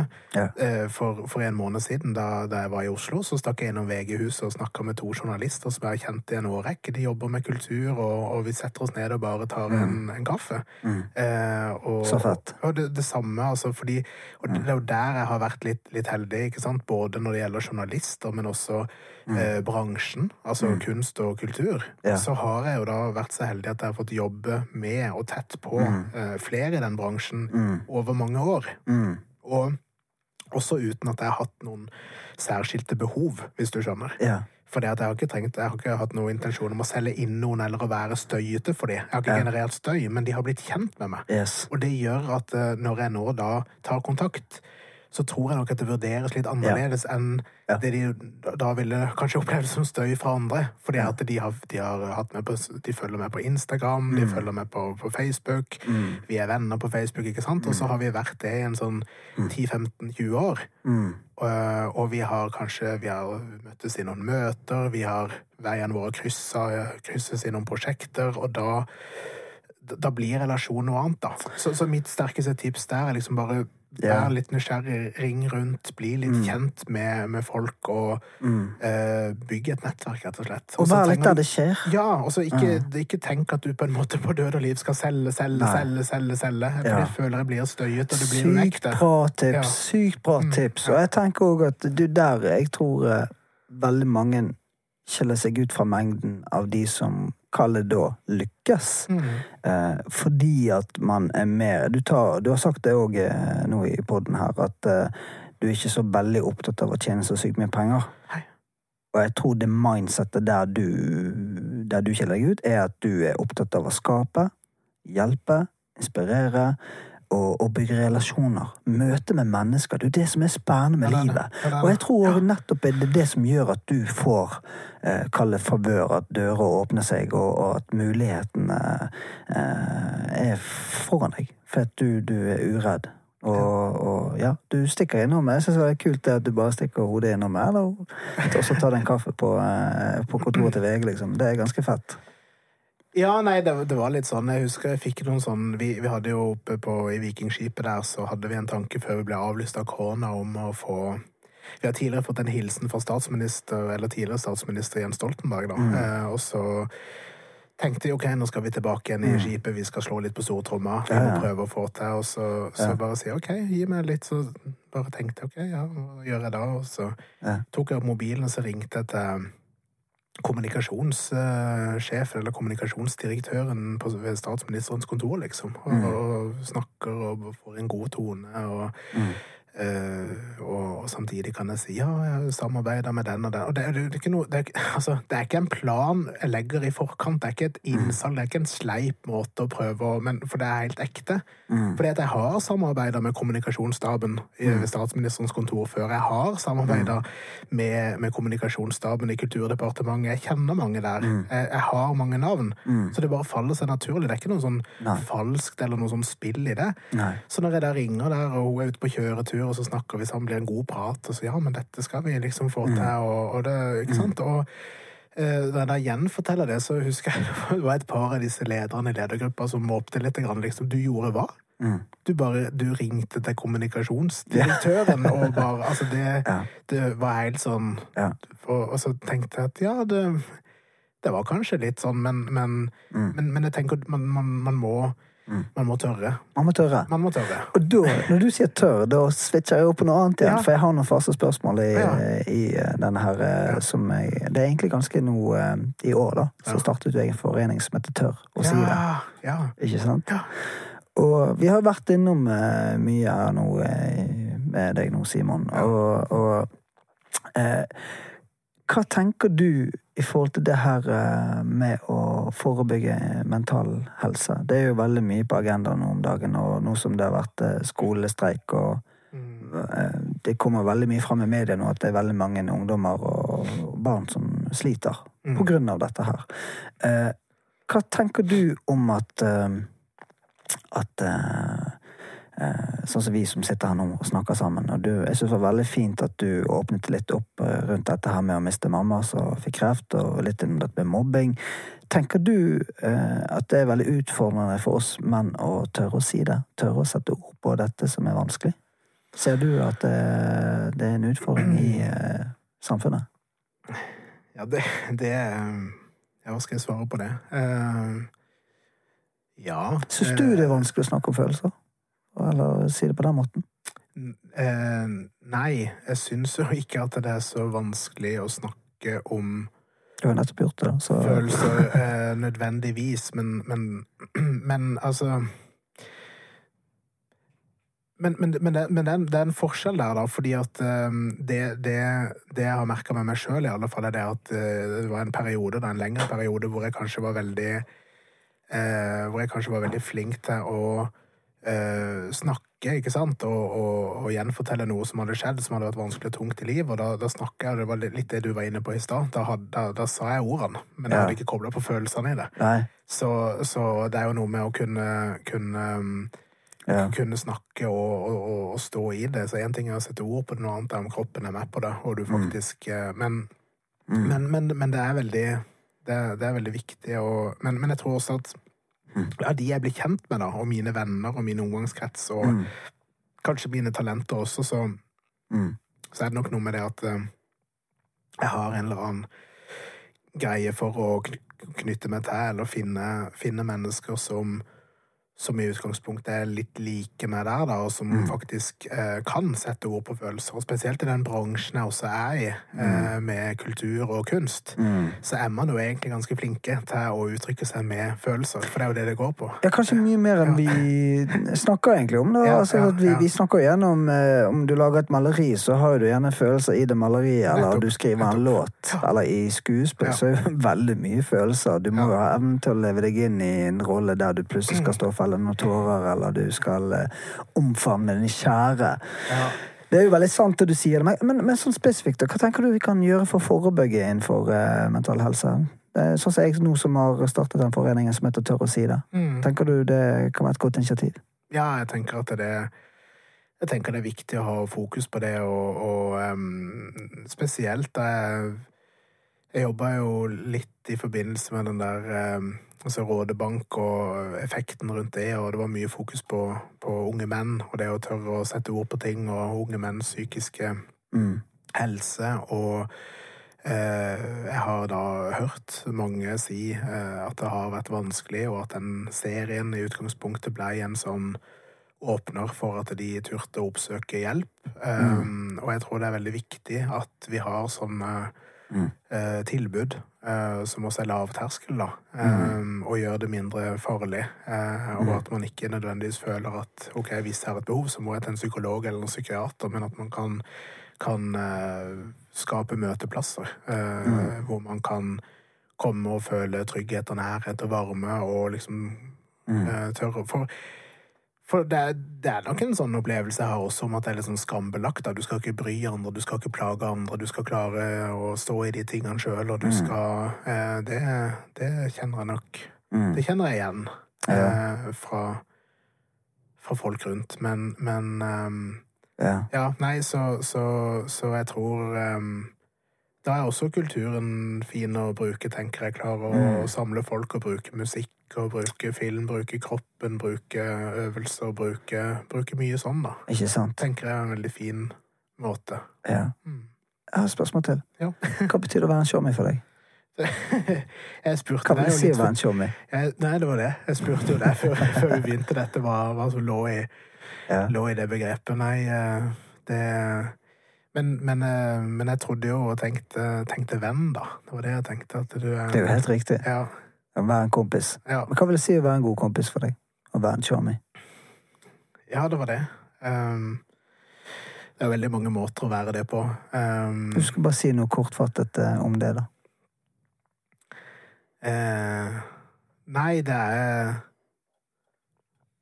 Det er en som um, som er der eh, Som er der for deg, som kan glede seg på dine vegne i dine oppturer og heie på deg og heie deg fram, og som du kan Som du er trygg på, og som du kan, kan snakke med om, om ting. Mm. Um, ja. Det, det er vel det det betyr for meg. Det er vel kanskje det jeg trenger mest, og det jeg ser mest etter i Mm. i, i venner, da. Noen jeg kan slappe av med og bare være meg sjøl. Mm. og ikke trenger å tenke på hvordan jeg er eller liksom blir oppfatta eller noen ting. Men jeg slipper bare kunne være meg sjøl 100 Mm. Ja. Eh, tror du på Gud? Jeg har nok min eh, egne eh, tolkning av det, tror jeg. Um, Ja, for det er veldig mye tolkninger, i, og det er mye mer åpenhet om Ja, eh, ja, det nå. Ja. Og spesielt eh, så føler jeg jeg har en del muslimske venner som er veldig mye mer åpne om det, og det er mye mer aksept, og Ja. her snakker man om Mens i Norge så er det sånn vi er liksom nesten redd for å snakke om eh, ja. den kristne tro og Ja. troen vår på Gud. Jeg tror at det er noe mer mellom himmel og jord. Jeg tror, eh, jeg tror det, det er noe der ute. Jeg tror på en, uh, god og positiv eh, eh, kraft, men har nok vært litt redd for å eh, gå inn og Altså, jeg opplever det at eh, når det gjelder tro, da, eller religion generelt, så har jeg opplevd det også i, i møte med andre mennesker, at det skal så lite til før det blir um, et tema for diskusjon, eller det blir um, Ja, man skal være litt forsiktig, da. Uh, og personlig så har jeg opplevd så mye i livet at jeg har uh, rukket å stille veldig mange spørsmålstegn med veldig mye forskjellig. Ja. men, men, uh, men jeg liker å tro uh, at det er noe der. Og jeg liker å tro at det er en, en himmel og et sted og Ja. Men um, men jeg tror nok ikke nødvendigvis at jeg ville kvalifisert som kristen i andres øyne.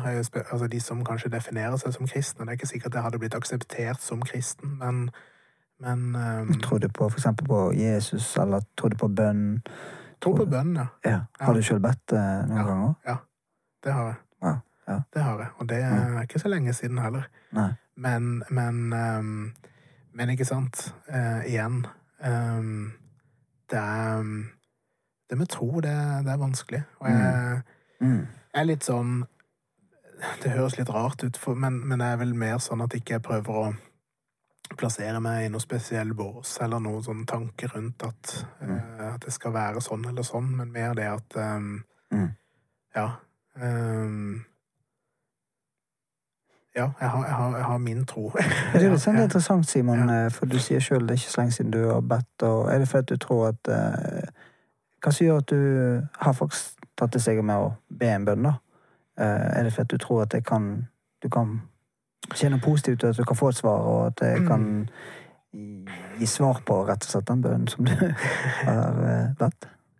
Ja, det er nok det også. Det er jo i, i oppveksten også. Jeg hadde jo eh, aftenbønn, kalte vi det vel.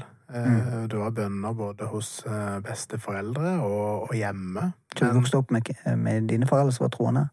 Eh, Nei, jeg tror ikke de ville kalt seg troende, de heller, for å være helt ærlig, altså. Men, men, men um, eh, Men mamma, hun vi, vi hadde liksom en sånn aftenbønn. Det var vel mer den der eh, Og, så- og, etter den den der Kjære Gud, jeg har det godt. Takk for alt som jeg jeg har fått. Du er Ja. god. Du av av meg. meg. Kjære Gud, gå aldri fra meg. Et, et eller annet sånt. Pass på liten, pass på stor.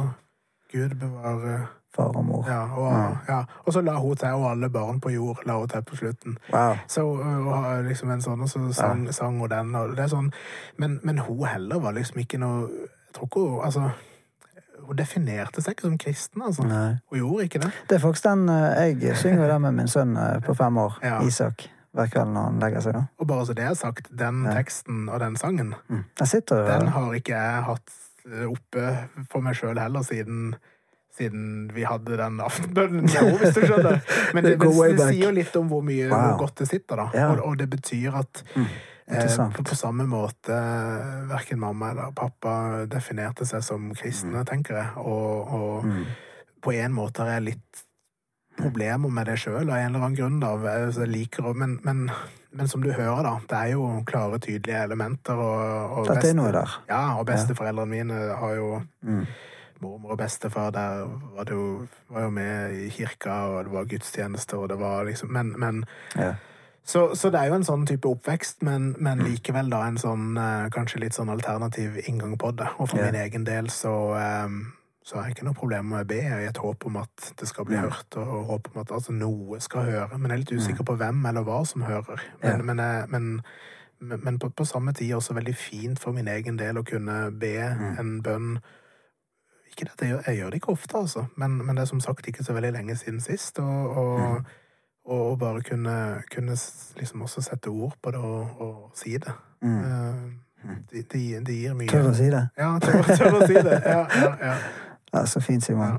Du, eh, Simon, da over til litt eh, Jeg har òg en eh, den der klassiske Har du en guilty pleasure, show me? En skikkelig sånn guilty pleasure? Eh, Unnskyld. nei. Nei? Har, nei, jeg tror ikke jeg tror ikke jeg har det, altså. Nei? Nei. Nei, hva kunne det vært? Nei, det vet Hva, ikke jeg. hva, hva, hva svarer de andre? Hva svarer de Nei, andre altså det? er veldig, veldig mye forskjellig der. Ja, Altså. Noen er jo eh, tør å innrømme at de er glad i Spice Girls. Ja, sånn, ja. ja, ikke sant? Det kan være et eksempel, men jeg tror ikke det er noen som har sagt det i poden min. Nei, det tror jeg sant? faktisk ikke. Nei, nei. Nei, altså, om du, om du sitter på når du er ute og går tur, og da er det Hva er det Nei, nå går da? Om du sitter på bussen da, tilbake til Kristiansand og sitter og dubler i Se og Hør, eller er det hva, ja, ja, sånne, sånne ting som det der? ja, nei, jeg gjør, jeg gjør mye rart som ikke altså, Ja. sånn, men, men det, handler, det er kanskje ikke svar på spørsmålet. Men ja, jeg, altså, når det gjelder musikk, jeg hører på alt mulig rart. Jeg kan høre på gamle barnesanger, gamle barn, barneskoleminner, og, men det er jo ikke akkurat det du spør etter, da, men også gamle TV-serier, type nostalgi og ba, bare litt, sånn, litt sånn rart. Hadde du sett spillelista mi, så hadde du fått litt sånn bakoversveis. Det har veldig sånn, men, men eh, har du en konkret artist da, som du kan tegne at det, det der var Det her er spesielt? Til og med du syns det er litt sånn eh, spesielt at du hører på denne artisten? eh, Nei, ikke noe, nei, ikke noe spesiell.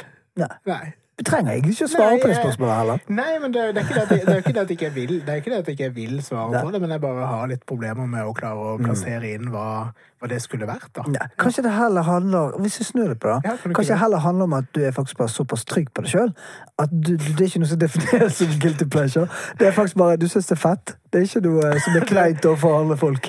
Nei, men, men, men, men der sier du jo noe, da. Ja. men, men det hørtes jo veldig ut som du gikk inn og redda meg der fra, fra noe som sier at det handler om tryggheten i meg Ja. sjøl. Men, men jo da, eh, absolutt. Vi kan, vi kan, vi kan, Kan lande, vi kan lande på det. Vi kan lande på det det. Ja. Jeg, jeg ville jo sagt det. Altså, altså, andre vil kanskje tenke at jeg har enkelte ting som er guilty pleasure. Så, Ja, men, ja, ja, eh, sant? Det er akkurat det.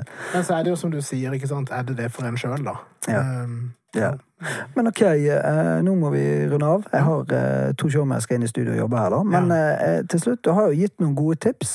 Eh, så folkens, eh, hvis dere vil ha noen gode tips, spesielt dere som da f.eks. studerer kommunikasjon og medier, eller har en drøm om å, å, å bygge deg et merkevare eller noe, om du er influenser eller artist eller whatever, så kom med han er gode showmen her med noen gode, gode råd underveis her. Men, men OK.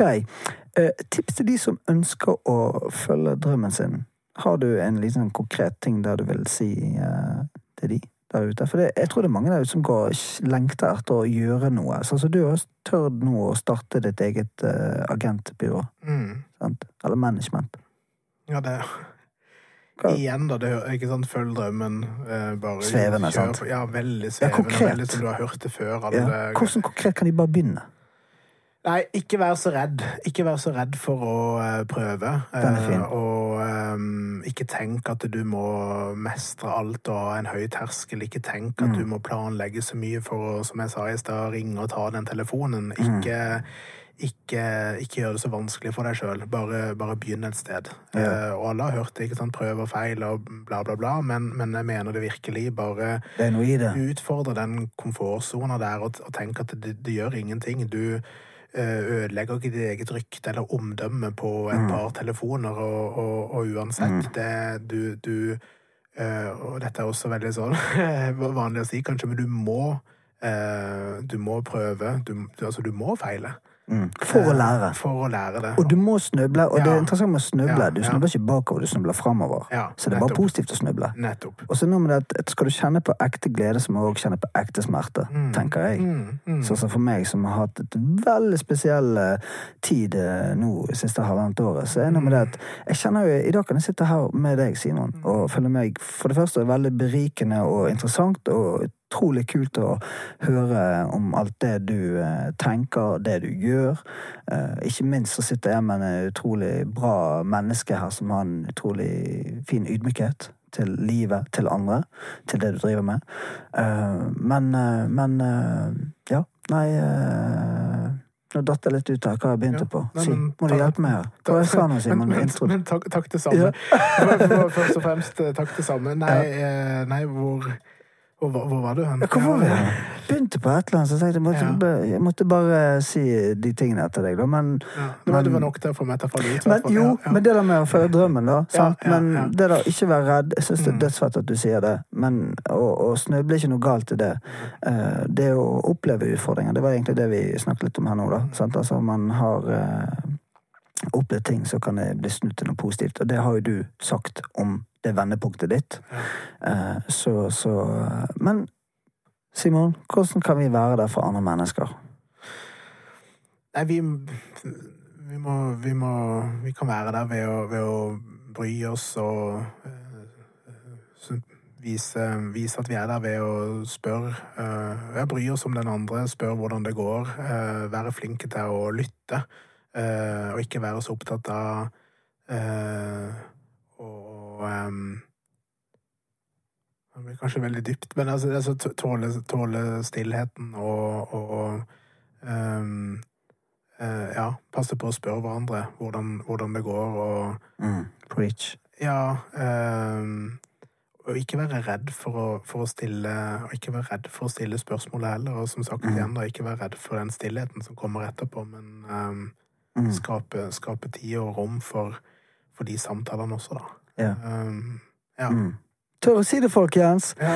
Du, Utrolig hyggelig å ha deg her. Veldig inspirerende, Simon. Uh, heier veldig på det du driver med. Og igjen, uh, jeg blir uh, Jeg blir Det motiverer meg i forhold til den ydmyke holdningen du har til alt, egentlig. Så tusen takk for at du tok turen her til verdens navle i Arendal i mitt studio. Og folkens, eh, sørg for å gå inn på Instagram. Du kan sjøl si hvor de skal følge ditt uh, kjære selskap på Instagram. Show me. Ja, det, det heter Astrom Agency, så det er bare å gå inn der. Yes. Ja. Og der uh, blir det mye content nå framover. Det, ja, det, det, er det du uh, det jobber for framover. Ja. Så spennende.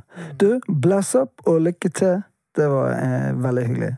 Så nå må vi ta for i og drukke i denne colaen din. ja. Og apropos det, det er Cola Zero, folkens. Han ja. kjører eh, ikke typisk med sukker. Nei, det er helt det, riktig. Det er Cola Zero som er, som er, best. Det er det som er tingen, ja, det er det. ifølge Simon. Mm. Du, vi snakkes. Vi snakkes.